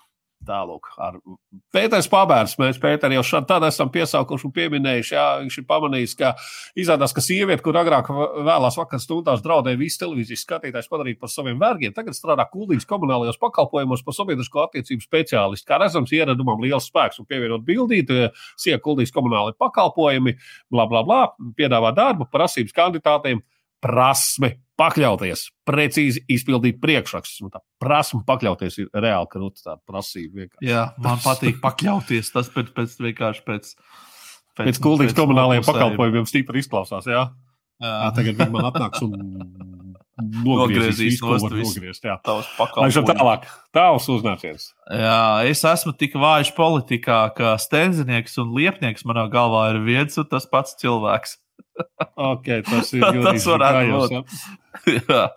Nu, tieši tā. Nu, un, Kā viņi tā satērās šonadēļ, ne? Tur kaut ko viens uz otru šausmīgi kaut ko Jā, bet pēc būtības, pēc būtības abiem diviem jau mēs. Es, starp citu, Jorģi gribēju pie mums uz šovu uzaicināt, jo, nu, stenzinieks ir bijis. Es domāju, bija jādod vieta arī Jorģim par, parāmtot, bet uh, Jorģis laikam kaut kā aizņemts vai negribēja vai, ko, vai kaut kas tāds. No, jā, viņš ir norantojies. Aizņemts, jā. Norantojies. Tālāk, Alita Konsta. Anita Kolsta saka, nevar sagaidīt, ko es tad šimtus atkal jaunu pastāstīšu par vakcīnām. Dārzs Vēbergs atbild, Antivaksers bija laika, Pauļuts ir pianists, ko tad viņš vispār saprot no medicīnas, lai iet spēlēt klavierus. Also Antivaksers bija laika, Vestus Šimkus ir cienījams cilvēks, es viņam uzticos. Nesaukt, neaicināt klāt ar Elitu Veidemanu. Viņš jums kaut ko jaunu par vakcīnām pastāstīja. Ko tieši es arī gribu uzzināt, uz ko Anita atbild. Palasiet savu debilo avīzi, tur viss melns uz balta. Tā kā viss un amen. Vai šam tālāk? Emma saka. Covid izplata sievietes, jo kurš normāls veids ar temperatūru 37,1 vispār ir spējīgs piecelties no gultas un iziet no mājas. Tālāk. Precīzi. Precīzi, jā. Emmai taisnība. Ceks saka, nu, kā saka, novērojis noteikti. Sirmāmuļi norūdz, ka Covid nav. Atsakās vakcinēties, nomirst un priecājas, ka ātrāk nonāks paradīzē. Pie paradīzes vārdiem Pēters, vakcinācijas certifikātiņu. Tālāk. Skarbi.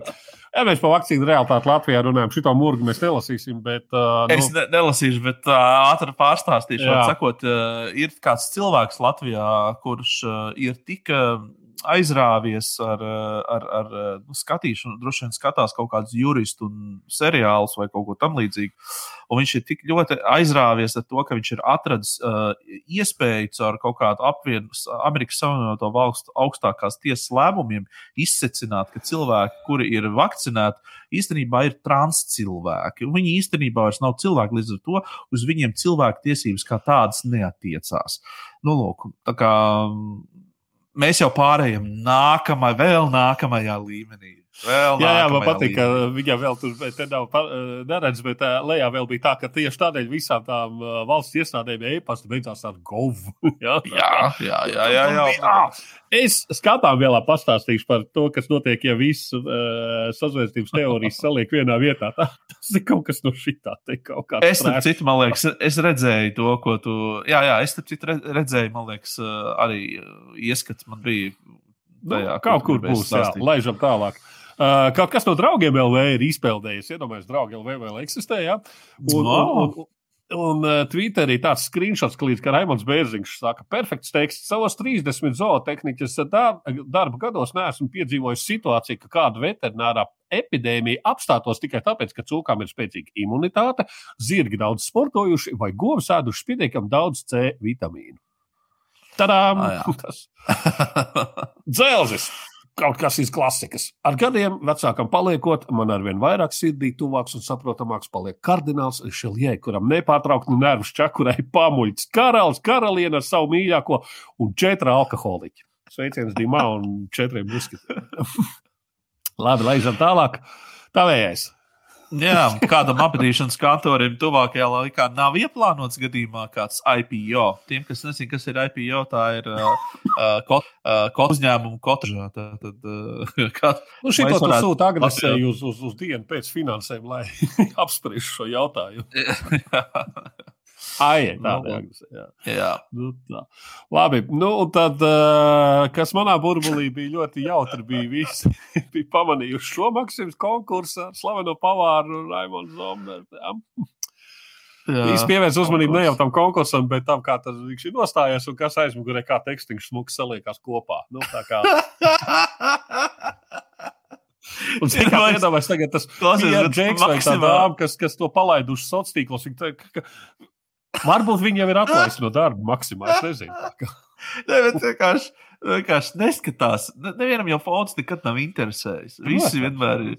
Vai, kurš tas fons skatās? redz, redz, ka tagad visi skatās. Tici man, es domāju, tas uh, cilvēks, kas šo palaid maksimumus kontos, ļoti skatīsies uz fonu. Divreiz, divreiz, divreiz, divreiz. Skaties, divreiz. Nu, tā. Nu, un šīs vēl te ieklīt, tu man atsūtīji foršu meiteni. Nu, Jā, par šo citu meiteni vai ne simpātiski šķiet, vai ne pirmajā jā. brīdī, bet uh, pievērs uzmanību. Viņa no Floridas, jā, Amerikā cilvēki Aha. vienmēr joko uh, par to, ka, uh, nu, kā saka, visi idioti dzīvo Floridā, visi, visi, visi ir Floridā. Okay. Tas ir no. numur viens. Numur divi, meitene, protams, pozē ne šur tur, bet savā tēva bērēs. Viņa tā tad ir tēva bērēs, viņa ir influencer, un viņa ir atradusi iespēju laiku pie zārka iepozēt nedaudz daudz. Protams, ka uh, sabiedrība tur ir sadalījusies divās daļās. Atkal ir sašutušie, atkal ir tādi, kas meiteni atbalsta. Uh, nu, tur var sekot, konts šobrīd ir noņemts. Laikam, vai, nu, vai nu, kā, kā Džimijs Kimels teica, vai nu tas ir viņas kaut kāds dīvainais boyfriends kurš to ir izdarījis, vai arī, vai arī uh, kāds, kurš šis te uh, nogribējies mācītājs. Nu, tas ah, horny, horny, tas, nu, jā, tā kā vainu, vainu. Te vispār ir tā, tā ka jāsaka, tas, cik, cik, cik smuka, tik stulba. Nu, ko, ko. Jā. Nē, Nē, tas arī parāda, tas arī parāda to, cik mēs ļoti ar sociālajiem tīkliem un visiem šiem influenceriem esam tālu aizgājuši, ka nu, ir jābūt jābūt nefil, nefiltrē reāli. Ziniet, tas man atgādina vēl pirms kaut kādiem pāris gadiem, kad parādījās tas uh, FaceSwap aplikācijas un Jā. uh, vēl tur viss šie sunīši un kaķīši, tur austiņas un viss tāds, ka kāds bija arī omīt nobildējis zārkā. Un, protams, ka nebija atslēgts tās austiņas un sunīšu mēlītes un vispārējais. Un... Nu, kaut kas tāds pats, jā. Labi, tas īsumā par Twitter. Tas arī viss šajā gadījumā. Nu, forši, ļoti lasam labi. Tad mēs, Twitter. es domāju, lasām Twitter un arī palasām kādu grāmatu, paklausāmies kādu mūzikas ierakstu un gala okay. beigās arī paskatāmies kādu seriālu.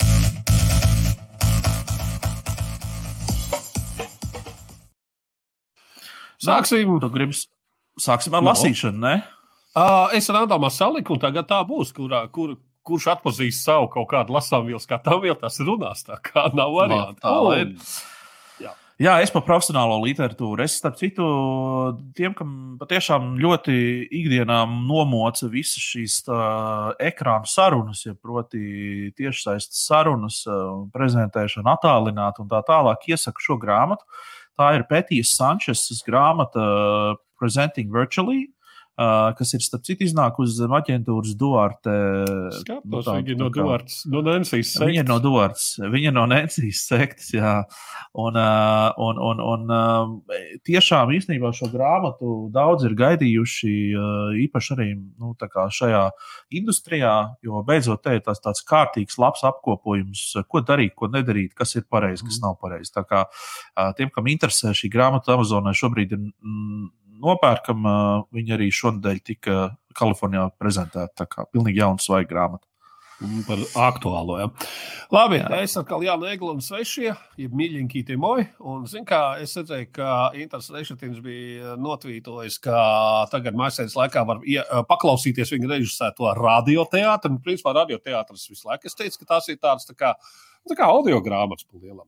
Nu, Nu, tad jā. es šito sāku klausīties, un nu, tāds stāstīns visādi, kas beigās kaut kur saliekās vienā lielā. Es esmu apmēram pusē.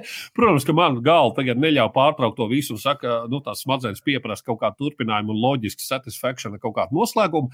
Bet, uh, mm, Jā, laikam būtu lasījis tomēr profesionālo literatūru tagad. Bet, nu, sākts ir, nu, tagad jāpabeidz. Jā, tā kā, tā kā, jā. nu, nu, nopietni, Nevar atstāt klausīt. pusratā. Nevar atstāt pusētā. Es vēl joprojām neesmu pabeidzis tos savus slampus meitenes un vispārējās grāmatas. Nē, man ir vēl kaut kas jāuzrok, vai ne? Tas tā normāli. Labi, laižam tālāk. Skatām vēl par skatāmajām lietām. Tā, es uzreiz ātri varu pateikt, tā kā Helovīns jā, ir, ir, ir, ir šitajā weekendā. Tad es pabeidzu AHS, uh, American Horror Story, mm, dubulto to, to, to uh, sezonu. Tā pirmā sezona ir tāda, kur uh, tiksim, tur darbojās. Uh, Ne, pirmā daļa ir par to, ka tev ir iedot tabletītes, un tu iedi. Ja tu esi talantīgs, tavs talants uzplauks, tu esi bagāts, slavens, ir viena blakne, tev vajag cilvēku asins. Ja tu neesi talants, tu pārvērties par vienkārši lisīšu, tā, tādu zombaku, kurš iet un ēd cilvēks tāpat vien, tāpēc, ka tāpēc. Tu paliec vienkārši par vēl par muļķi. Otra, otra daļa ir melnbalts sērijas, kaut kādas dažas, un tas ir tas, ko mēs jau pieminējām, ka es teicu, ka par tiem cilvēkiem, kuriem tic sazina, kam visām tām sasvērtības teorijām. Tur ir saliktas visas sasvērstības teorijas, kas Amerikā ir populāras attiecībā uz Jā. Jā. 50. un 60. gadiem. Uh, par Kennedy, par Merlinu Monroe, par, par atnācējiem, par to, kā viņiem bija tas, tas, tas zona 40, ne, kas tur Jā, jā, jā, 42, jā, paralēli. Jā, jā. 42. Jā, un, un tas viss ir salikts tādā vienkārši tādā kičā, ka tu skaties un tu smejies skaļā balsī, bet tā ir ieturēta tāda 50 gadu kino stilistikā, melnbalts tāds, jā, un tāds, tāds, tāds Mhm, bišķī tāds mhm. uzspēlēts, un nu, tā ļoti stilīgi, bet nu, pilnīgs ārprāts. Diemžēl. Bet ir vērts, jā, pieļauju- ir vērts skatīties šito. Uf, Kā sarunā, nu, bet, ja tu esi pirmās devīgas sezonas noskatījies, tad, protams, ka tu skatīsies tik un tā. Nu, tā kā. Jā, vēl par, ko neviens nesauc, nevienam nevajadzēja, nevienam, neviens principā negribēja. Čakīs ir atgriezies uz maziem ekrāniem, un to es stāstu arī tikai tāpēc, ka Helovīns tuvojās, un, un, un, un, un Čakīs ir 80. gadu tāds kičs, Lelīts slepkavnieks, tur pēc tās leģendas kaut kāds slepkavs dvēseli iemosojās tajā Čakijā, un tad viņš tur var sakot, tās visas 80 gadu filmas, kur tā Lēlīte staigā un slepkavo cilvēks. Un tagad tas ir atpakaļ seriālā. Un kāpēc tas bija vajadzīgs? Es pamēģināju pusotru sēriju, otrās sērijas vidū. Es teicu, ah, nē, labi, nebūs tā kā. Ja man, Bet ja man, man neviens jā. nevarētu piespiest kaut ko tādu skatīties vispār. Nu, zini kā, nu, o, es esmu tās paudzes, kas kā reiz nelegālajos video seansos 80. gados skatījās visādi drāzi, ko varēja dabūt. Tur nebija jautājums, ko tu gribi skatīties. Tu skaties to, ko varēja dabūt. Jā, un tad tu tur čakī, nu, pa lielam tā- rietam. Jā, jā, jā to, to, tam vajadzēja arī tur palikt. un Tas tā, nafig, nevienam nav vajadzīgs. Tā kā tā, to čakī, lai viņš iet tur, kur iet. Office! Oh, Oh, kurš Jā, starp citu, es, es eh, Twitterī, eh, Twitterī lasīju to, ka, ka oi, baigais pārsteigums tagad, ka pēkšņi visi skatoties Office. Tāpēc, ka Netflixā, Eiropā, nu, vismaz Latvijas daļā, uh, amerikāņu versija ir, ir, ir, ir parādījusies, Mhm. šķietam, laikam nesen. Uh, un uh, es Office skatos šobrīd jau trešo reizi.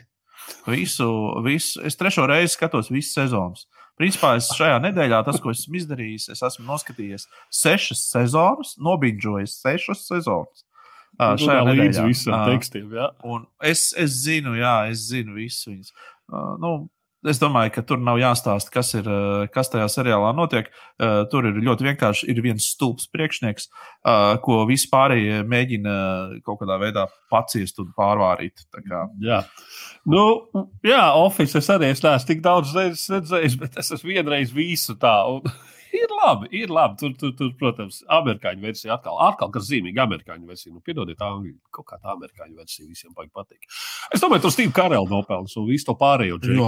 absolūti. Tur absolūti ir jā. aktieru Tas ir aktieri tikai, tikai jā, lai arī Ri- Rikijs Džervais arī ir labs. Arī protams, foršs, bet, uh, bet, Nu, bet uh, nu, pārējais kāds tur nepavalk īsti. Jā. Nu, jā.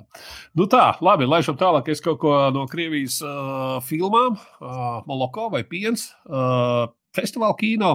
Karens Agansjans ir režisors, viņam tās filmas kaut kā, nu tā viena ir ok, viena ir pilnīgi bēdra, viena ir ok, viena ir pilnīgi bēdra. Šitas ir tas, kas ir ok. Uh, Stāsts ir par kaut kādiem mazpisāniem Krievijā, kur ziemeļblāzma kaut kur tik tālu, zinu, tur, kur ziemeļblāzma.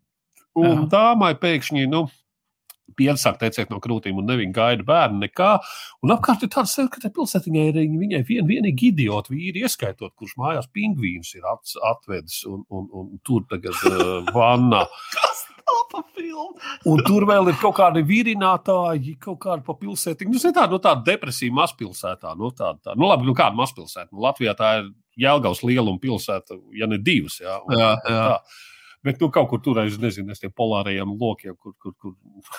Un, un tad notiek vēl kaut kāds tā, kā ka kaut kādu to pārskatīšanās pēc tas vīrs iedzer no tās pudeles, kur ir tas sievietes piens, un tas izrādās ir dziedējuši. Nu, visiem atnāk viņiem vaļā. Nu, Uh, tas baigi jancīgs uzstādījums, bet es saku, tas ir festivāla kino, un tur, tur tāds arī, nu, tur tāda arī mhm. vērtē un skatās. Un, Un, un ir īstenībā ar noskaņu. Ir ok, ja tu pieņem tos spēles noteikumus, kas no sākuma tev mulsina, bet tā daudzām lietām, īpaši, kā saka, festivāla kino pasaulē. Kā, bet šis vēl nav jā. jocīgākais. Nākamā nedēļa es mēģināšu vēl vienu noskatīties. Starp citu, no jā, runājot par festivālu, festivālu filmām, mēs pagājušajā reizē runājām par Rīgas starptautisko kinofestivālu.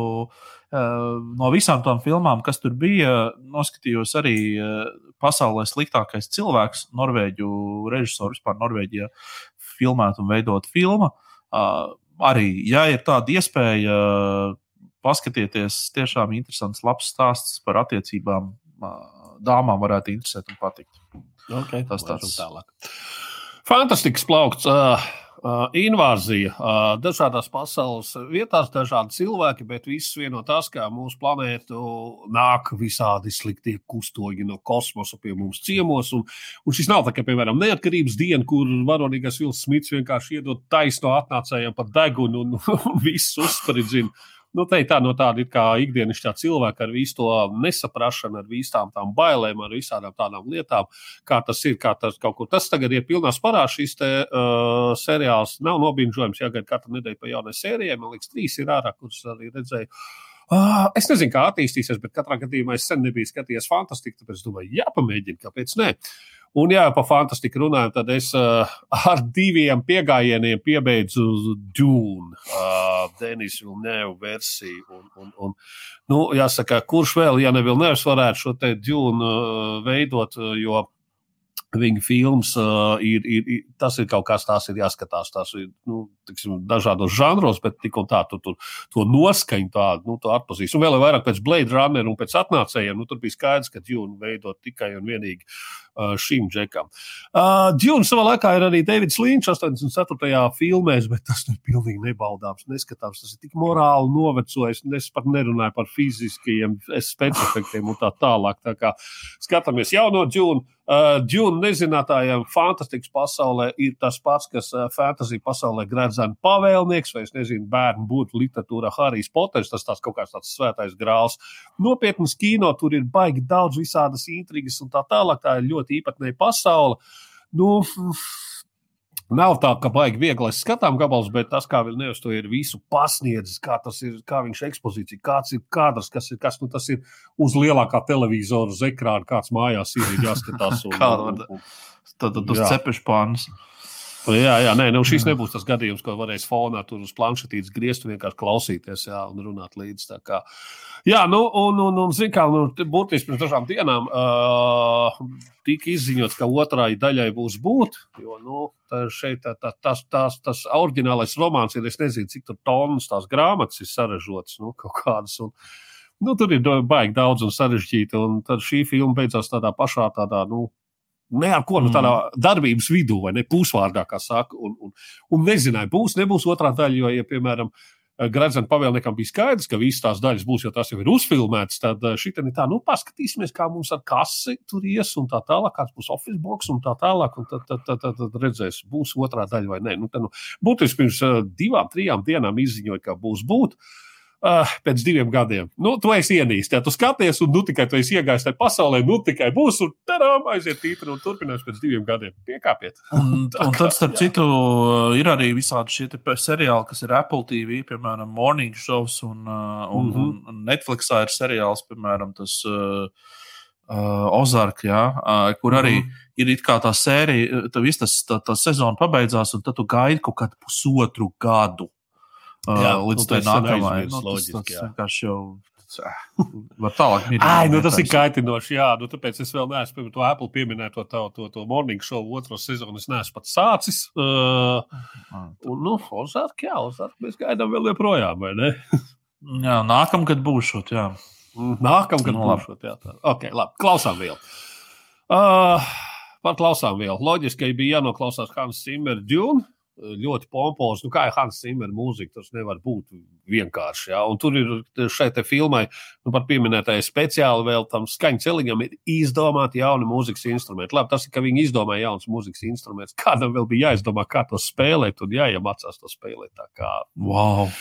baigo kosmosa dara. Tad mums tikai liekas, tur kaut kas fonā, tur kaut kāda skumīga violīte, tur kaut ko grabina čīgā. Nē, Hans Zimmer gadījumā tas, tas, tas, tas nav tas gadījums. Skatos Jā. podkāstu modē, ja? Es, starp citu, esmu šo nedēļu veltījis vairāk vai mazāk podkāstu visādām lietām, un uh, Laura Grēviņa, mūsu viena no viesņām iepriekšējos raidījumos, uh, ir intervējusi Renāru Kauperu. Uh, es teiktu, tā, uh, Renārs uh, parasti, tad, kad viņš ir kaut kādās intervijās, viņš diezgan tā šabloniski atbild, un var redzēt, ka viņam pašam vienkārši ir iebjās jau tas, ka viņš vienkārši simto reizi atbild vienu un to pašu visiem. Nu, jā. Nu, ka, uh, nu, tas, tas ir dzirdams, ja tā, bet uh, viņš to dara ar tādu nu, tā kā pozitīvismu, bet tu jūti tur fonā. Bet Laura viņam uzdod visādus tādus jautājumus, kādus nu, vienkārši neordināri. Nu, tas ir kā ne žurnālists, vienkārši, bet tiešām tā tāda interesanta saruna stundas garumā. Laiks aizritēja vienkārši nemanot. Tā kā visiem, kam interesē prāta vētras, tagad tas jaunais viss, viss padarīšana. Droši vien. jaunā prāta vērtas padarīšana. jā. Paklausīties, jā, Lauras podkāstu pakluso. Nu, lūk, tas ir Labi. viens podkāsts, jā. Um, Un-. Droši vien ir jāparunā arī par pašu albumu, vai ne? Jā, Nu, sāc nu, tu. sāc tu, ko teiksi? Nē, Vai sāc tu. jāsaka. Sāc Sāc tu. es. Uh, šis noteikti nebūs gada albums. Nu, tā kā galīgi ne. Man tas izklausās pēc kaut kādām uh, dziesmām, kas ir salasītas no iepriekšējiem albumiem, no, no dažādiem albumiem, no dažādiem prātu vētras noskaņojumiem un kaut kādām varēšanām, gribēšanām un teikt, uh, ko man ir ko teikt uh, pakāpēm. Uh, Tāda dziesmu izlase, kas varētu būt B puses, nu, nu neturās kopā nesitams. Nu, labi, labā ziņa ir tā, ka tas ir 36 Nesitams. minūtes. Nu, neturās kopā tas albums. Katra dziesma ir par kaut ko citu. Es neredzu kopēju grupu, es neredzu kopēju albumu. Man vajag, lai albumam ir kopēja noskaņa, man vajag, lai, e, lai es atpazīstu kaut ko, bet katra dziesma ir savādāka. Un, tā, tā, un, zinu, ko, un tiešām tā, ar, ko mēs pagājušā nedēļā pieminējām, tā tautumētā par tām, tur, kur Dieva kamanas slīd, tā ir viskrūtākais gabals. Tā ir visā. vislabākā. Es tev pilnīgi tur piekrītu. Tādas, tur, tas, tas ar to Petrovu par to mēnesi, nu kas tas ir? Un Petrovs tur vienkārši nepaplašināts teikums pasaka, kas tas tāds ir. Nu kāpēc, Džeki, nu, come on. Nu, ne, nu labi. Man, starp citu, man starp citu ļoti mulsināja tas, ka, ka tātad sākās tas albums ar dziesmām latviešu valodā. Tad pēkšņi viņi pārslēdzās angļu valodā, un angļu valodā tajā dziesmā vienā pa vidu ir tas, eh, tas, tas aktieris. Jā, jā. Jā, un vienkārši es tā, tā domāju, nu, nu baigais miks. Es- tāds, O, es arī par to sasmējos. Ja krievu versijā, tad, kad uh, Kaupers dzird krieviski to tekstu, tad tur ok, kā tas Petrovs runā krievu valodā. Es domāju, nu, ka, nu, tik slīgs, ka nevarēja angliski ierunāt, vai vienkārši, vienkārši dziesmu bija uzrakstīt. O, tur forši, vai mēs tagad uzliksim anglisko versiju. Nu, jā. Jā, Zini, kā mans pārdoms ir ļoti vienkāršs. Es ā, gā- klausījos par viņu divu, divu veidu pārdomus. Ja mēs tā ā, salīdzinām nevis ar grupu, kāda viņi ir bijusi pirms tam, ā, jo es varu saprast, cilvēki grib varbūt eksperimentēt, viņiem ir apnicis kaut kas un tā tālāk. Var eksperimentēt, un tad viņi, bet es gribētu, lai viņi eksperimentē tā sava žanra ietvaros, kas, kur, ko viņi ļoti labi izkopa. ā, ā, Un tur vēl, starp citu, viņiem bija ļoti daudz lietas, ko viņi varēja pateikt. Bet viņi, nu, kā saka, nogurs no tā, un tad viņi tā kā iet tajā nākamajā kaut kādā līmenī, viņi grib pāriet. Tā problēma ir tāda, ka, nu, ka ja paskaties pasaulē, ā, tad, nu, Davids Bovijs vai, vai kaut kā tāda, ja, kas, protams, arī ir eksperimentējuši un visu kaut ko darījuši. Tas pats YouTube tevis bieži pieminētais. Ja. Uh, un, un, un, un tā, nu, nu, viņi iznes tomēr to savu kaut kādu stilu līdz galam, vai depešu modu. Nu, tu, Jā.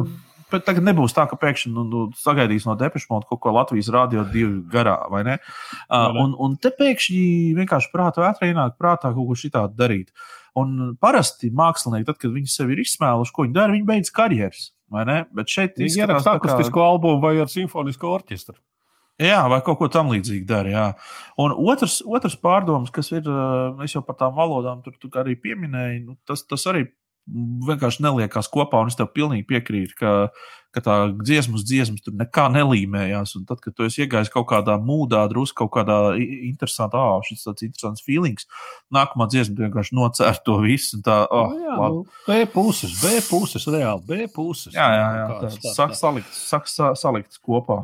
Un, zin kā, un vēl es nejūtu kaut jā. kādu tādu vajadzību pēc šīm dziesmām. Un man neizklausījās tas, ka džekiem ir kaut kas nobriedis, ka viņiem ir kaut kas sakrājies, ka viņi ir strādājuši piecus gadus studijā, kā nesauksim jā.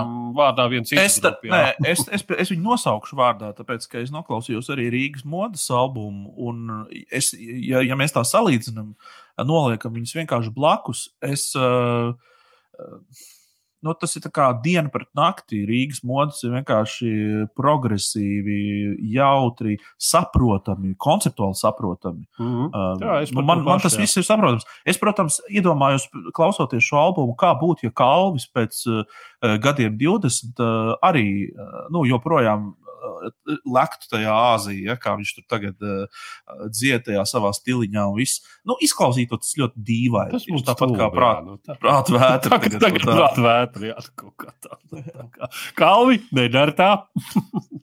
okay. Nu, ko, pieteikt par prāta vētru, laižam tālāk.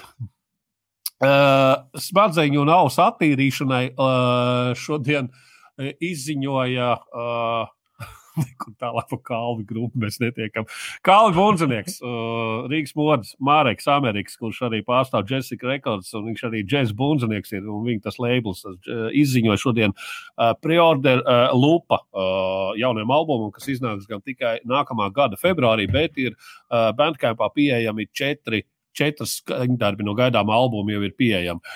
Ak, Dievs, tas ir tāds kosmos, līdz kuram prāta vētrā ir vienkārši, nu, tā kā, es nezinu, līdz Austrālijai atpakaļ gaitā četrāpus. Tā kā tur nav ko runāt. Klausamies, lūpa, klausamies džēzus un alkohols. Jā. Labi, aiziet. Tavs. Jā, kā jau pieminēju, klausījos podkāstus, un šeit konkrēti imper, imperfekt vai imperfekt. Es īstenībā joprojām nezinu, kā viņi izrunā. Jā, neviens nezina. Uh, ah, imperfekt. Jā, tas ir varbūt jā, domāts. Perfekt, varētu tā domāt. Var sakot, um, žurnāls, kas, kas taisa arī podkāstus. Un tad um, Pirmkārt, es teikšu uzreiz, man šis podkāsts uh, nepatīk. Es, es, man, es viņu klausos, un man droši vien ka kaut kādas iekšējas pretenzijas ir pret uh, raidījumu vadītāju. Uh, bet uh, tās ir tikai manas subjektīvās uh, sajūtas. Es atļaujos to vienkārši tā pateikt. Mm -hmm. Bet kas mhm. piesaistīja man uzmanību, bija šīs divas jaunās meitenes. Uh, uh, viņas ir. Uh, Gen Z paudze, jeb šo iekštelpu paudze. Eh, viņām ir 13, 14 gadu, un eh, es piespiedu sevi, nu, tā kā piespiedu patiešām paklausīties, jo es gribēju vienkārši saprast, kāds tas domu gājiens ir jaunajai paudzei ko viņi domā, kas viņiem ir aktuāls, par ko viņi runā un tā tālāk. Un, un, un viss tas runas stils un runas veids, protams, tas bija tas, uz ko es ļoti kā, saņēmos, lai, nu, kā, lai neizslēgtu vai netriektu telefonu pret galdu vai kaut ko tādu. Bet, bet um, man, man ļoti interesēja tas, tas, tas, tas uh, ko, ko viņi domā.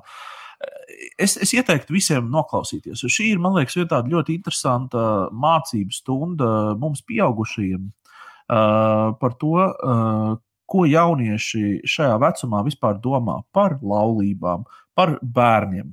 Ja, par karjerām, par uh, to, kur viņi un kas viņi grib būt, par to, uh, kā viņi attiecas pret uh, saviem vienaudžiem ikdienā un ko viņi domā par vienaudžiem, kā viņi atļaujās runāt par vienaudžiem un tā tālāk. Visas šīs lietas. Um, tā sabiedrība, kas mums tagad ir un veidojās, nu, tie visi, kas netic zinātnē, vispārējā, ja, to, ko, ko tu, tā trešdaļa, ja, mm -hmm. nu, Šeit nāk, tāds, es domāju, šis ir tāds, vulk, šis tāds vulkāns. Šis tāds vulkāns ir. Un, un būs, būs ļoti, ļoti interesants nākamā, nākamās desmitgades. Okay. Zini, ka mēs tagad izklausāmies pēc diviem uh, džekiem, Bet, kuriem zini- zini, principā vajadzētu tagad runāt, ka, nu, Man- kā tad tev ģimenes ārsts jau piezvanīja, tad tu iesi vakcinēties vai nē? Nu, man Zini, tā kā kā, vēl neviens nav zvanījis. Man no malas īstenībā ir vienalga, ko par mani padomā. Tas ir, kā saka, man, mana dzīves uztvere. Es viņu stāstu cilvēku, kur piekrist, un cilvēku, kur nepiekrist. Cilvēku, kurš sauc man par muļķi, vai cilvēku man var saukt par gudru, tā ir viņa paša izvēle, ko, ko, viņi, ko, viņi, ko viņi dara. Ja, taisiet pašus savus šovus. Jā, man arī Ja kaut kas nekrāt īstenībā. nepatīk. Tad tu saki, ir jāpamēģina, jā, nu tā, jāsabriņojās. Jā. Nu, noklausies. Es domāju, sa, sa, saņemies un vienkārši noklausies. Tu, tu, Principā tu- tu pasūti jaunu telefonu un sāc klausīties šo. Ja? Man tāpat sen vajadzēja jaunu telefonu. Labi, uh, es varu ieteikt vienu reāli krūtu ballīti. No Keitijas Mārpils jaunais albums, Kalniņa ir mest ir ārā. Oh, my God, tas ir, ta- tas ir rokenrols. Ir Keitijas Mārpils. Nu, tā ir jautrība visu laiku. Nu, es nezinu, vai tu esi kaut kur klausījies. vai Es dzīvē, esmu, tas esmu dzirdējis, protams, Esmu bijis jā. pāris viņa laivos, un, un, un, un, un varbūt, ka no vienas puses pat ir ok, ka atcēla visus laivus ā, tajā nosā, tajā baržā, kas stāv Dāngavā, jo vienkārši pie šī tādas mūzikas to baržu apgāzt otrādi. Viss nogrim tas pasākums. Tā ir reāli ballīte, paklausies, kaut vai tur ir kā, nu, jau izskanējusi dziesma politiķa kakā, kakā uzskaitīts, kurš kakā un kāds d. Un tad tā, tā, tā punktu pieliek un tur ir cilvēki mirst, un tad viņi nāk atpakaļ jaunā skafandrās un atkal ēd un, d, un mirst. Un, un, un, sakot, tā ir reāla balīte. Nu, bet tajā pašā laikā tur kaut kāds, protams, pancisks vēstījums ir. Nu, Galu galā Raimons Ligimos, tas, kurš dāmas, nu, viņš ir vecāks kungs par mums. Pat tā, Jā. jāsaka, bet, viņa, bet viņš ir saglabājis to visu. Viņam piestāv, viņš varētu arī. Viņš dara to pašu savos gados, to, ko viņš darīja. Tā, viņam bija Taisna 20, tas lieta. ir sasodīt vienkārši. Tas vienkārši mazliet metālisks pankroks, bet reāli krūti tas ir tā kā tā. Un atpakaļ pie podkāstiem. Jā, es, ā, es varbūt ne konkrēti šo epizodi, bet vispār kopumā gribu izcelt ā, Conanu O'Brienu, ā, kurš meklē sev draugus, tātad komiķis, amerikāņu, kurš katru nedēļu laiž ārā pa divām epizodēm. Vienā epizodē viņš runā ar kādu slavenu cilvēku, aktieru, tur komiķu, rakstnieku vai kā tam līdzīgi. Vai viņam ir bijušas arī intervijas ar prezidentu Obamu un, un, un, un tā. Tā, un, Draugs protams, ka tās visas sarunas ir tādas, ka tu ej pa ielu, klausies, un tu smejies balsī. Un tad visiem apkārtējiem cilvēkiem liekas, ka tas ir pilnīgs nu, prātā nojūts. nojūts. U, Bet uh, izrādās, ka klausies Konāna un Brian Show uh, podkāstu. Tas ir tas, ko tu uh, klausies. Nu jā, tā kā iesaku. Labi, un tas arī viss šajā reizē. Tas Tev arī, bija tas arī viss mums, jā. Man bija. Tev, jā, tieši Nu, tā. tev bija prāta vētra, jā, tev bija prāta vētra. Jā, bet tāpēc, tikai tāpēc, ka, protams, ka to nevarēja, kā saka, neno, Jā, neno, tā. nenoklausīties. Un šorīt viena Nu, no pirmajām ziņām, kas manā burbulī bija prātvētra albums. Domāju, Nu, labi, jā, saņemšos, noklausīšos. Es ieraudzīju, ka 36 minūtes. Super. Būs labi. Būs labi. Jā. labi. Nu tā, Darbie tas arī klausītāji, skatītāji, jā, savu muļķību, muļķību un plāpu devu jums, jūs esat uzņēmuši šajā nedēļā. Tagad jums šodien. arī Šīs ir nedēļas par ko muļķības slavinājums ir beidzies. Jā, Un tiekamies pēc, pēc nedēļas. Atā. tiekamies.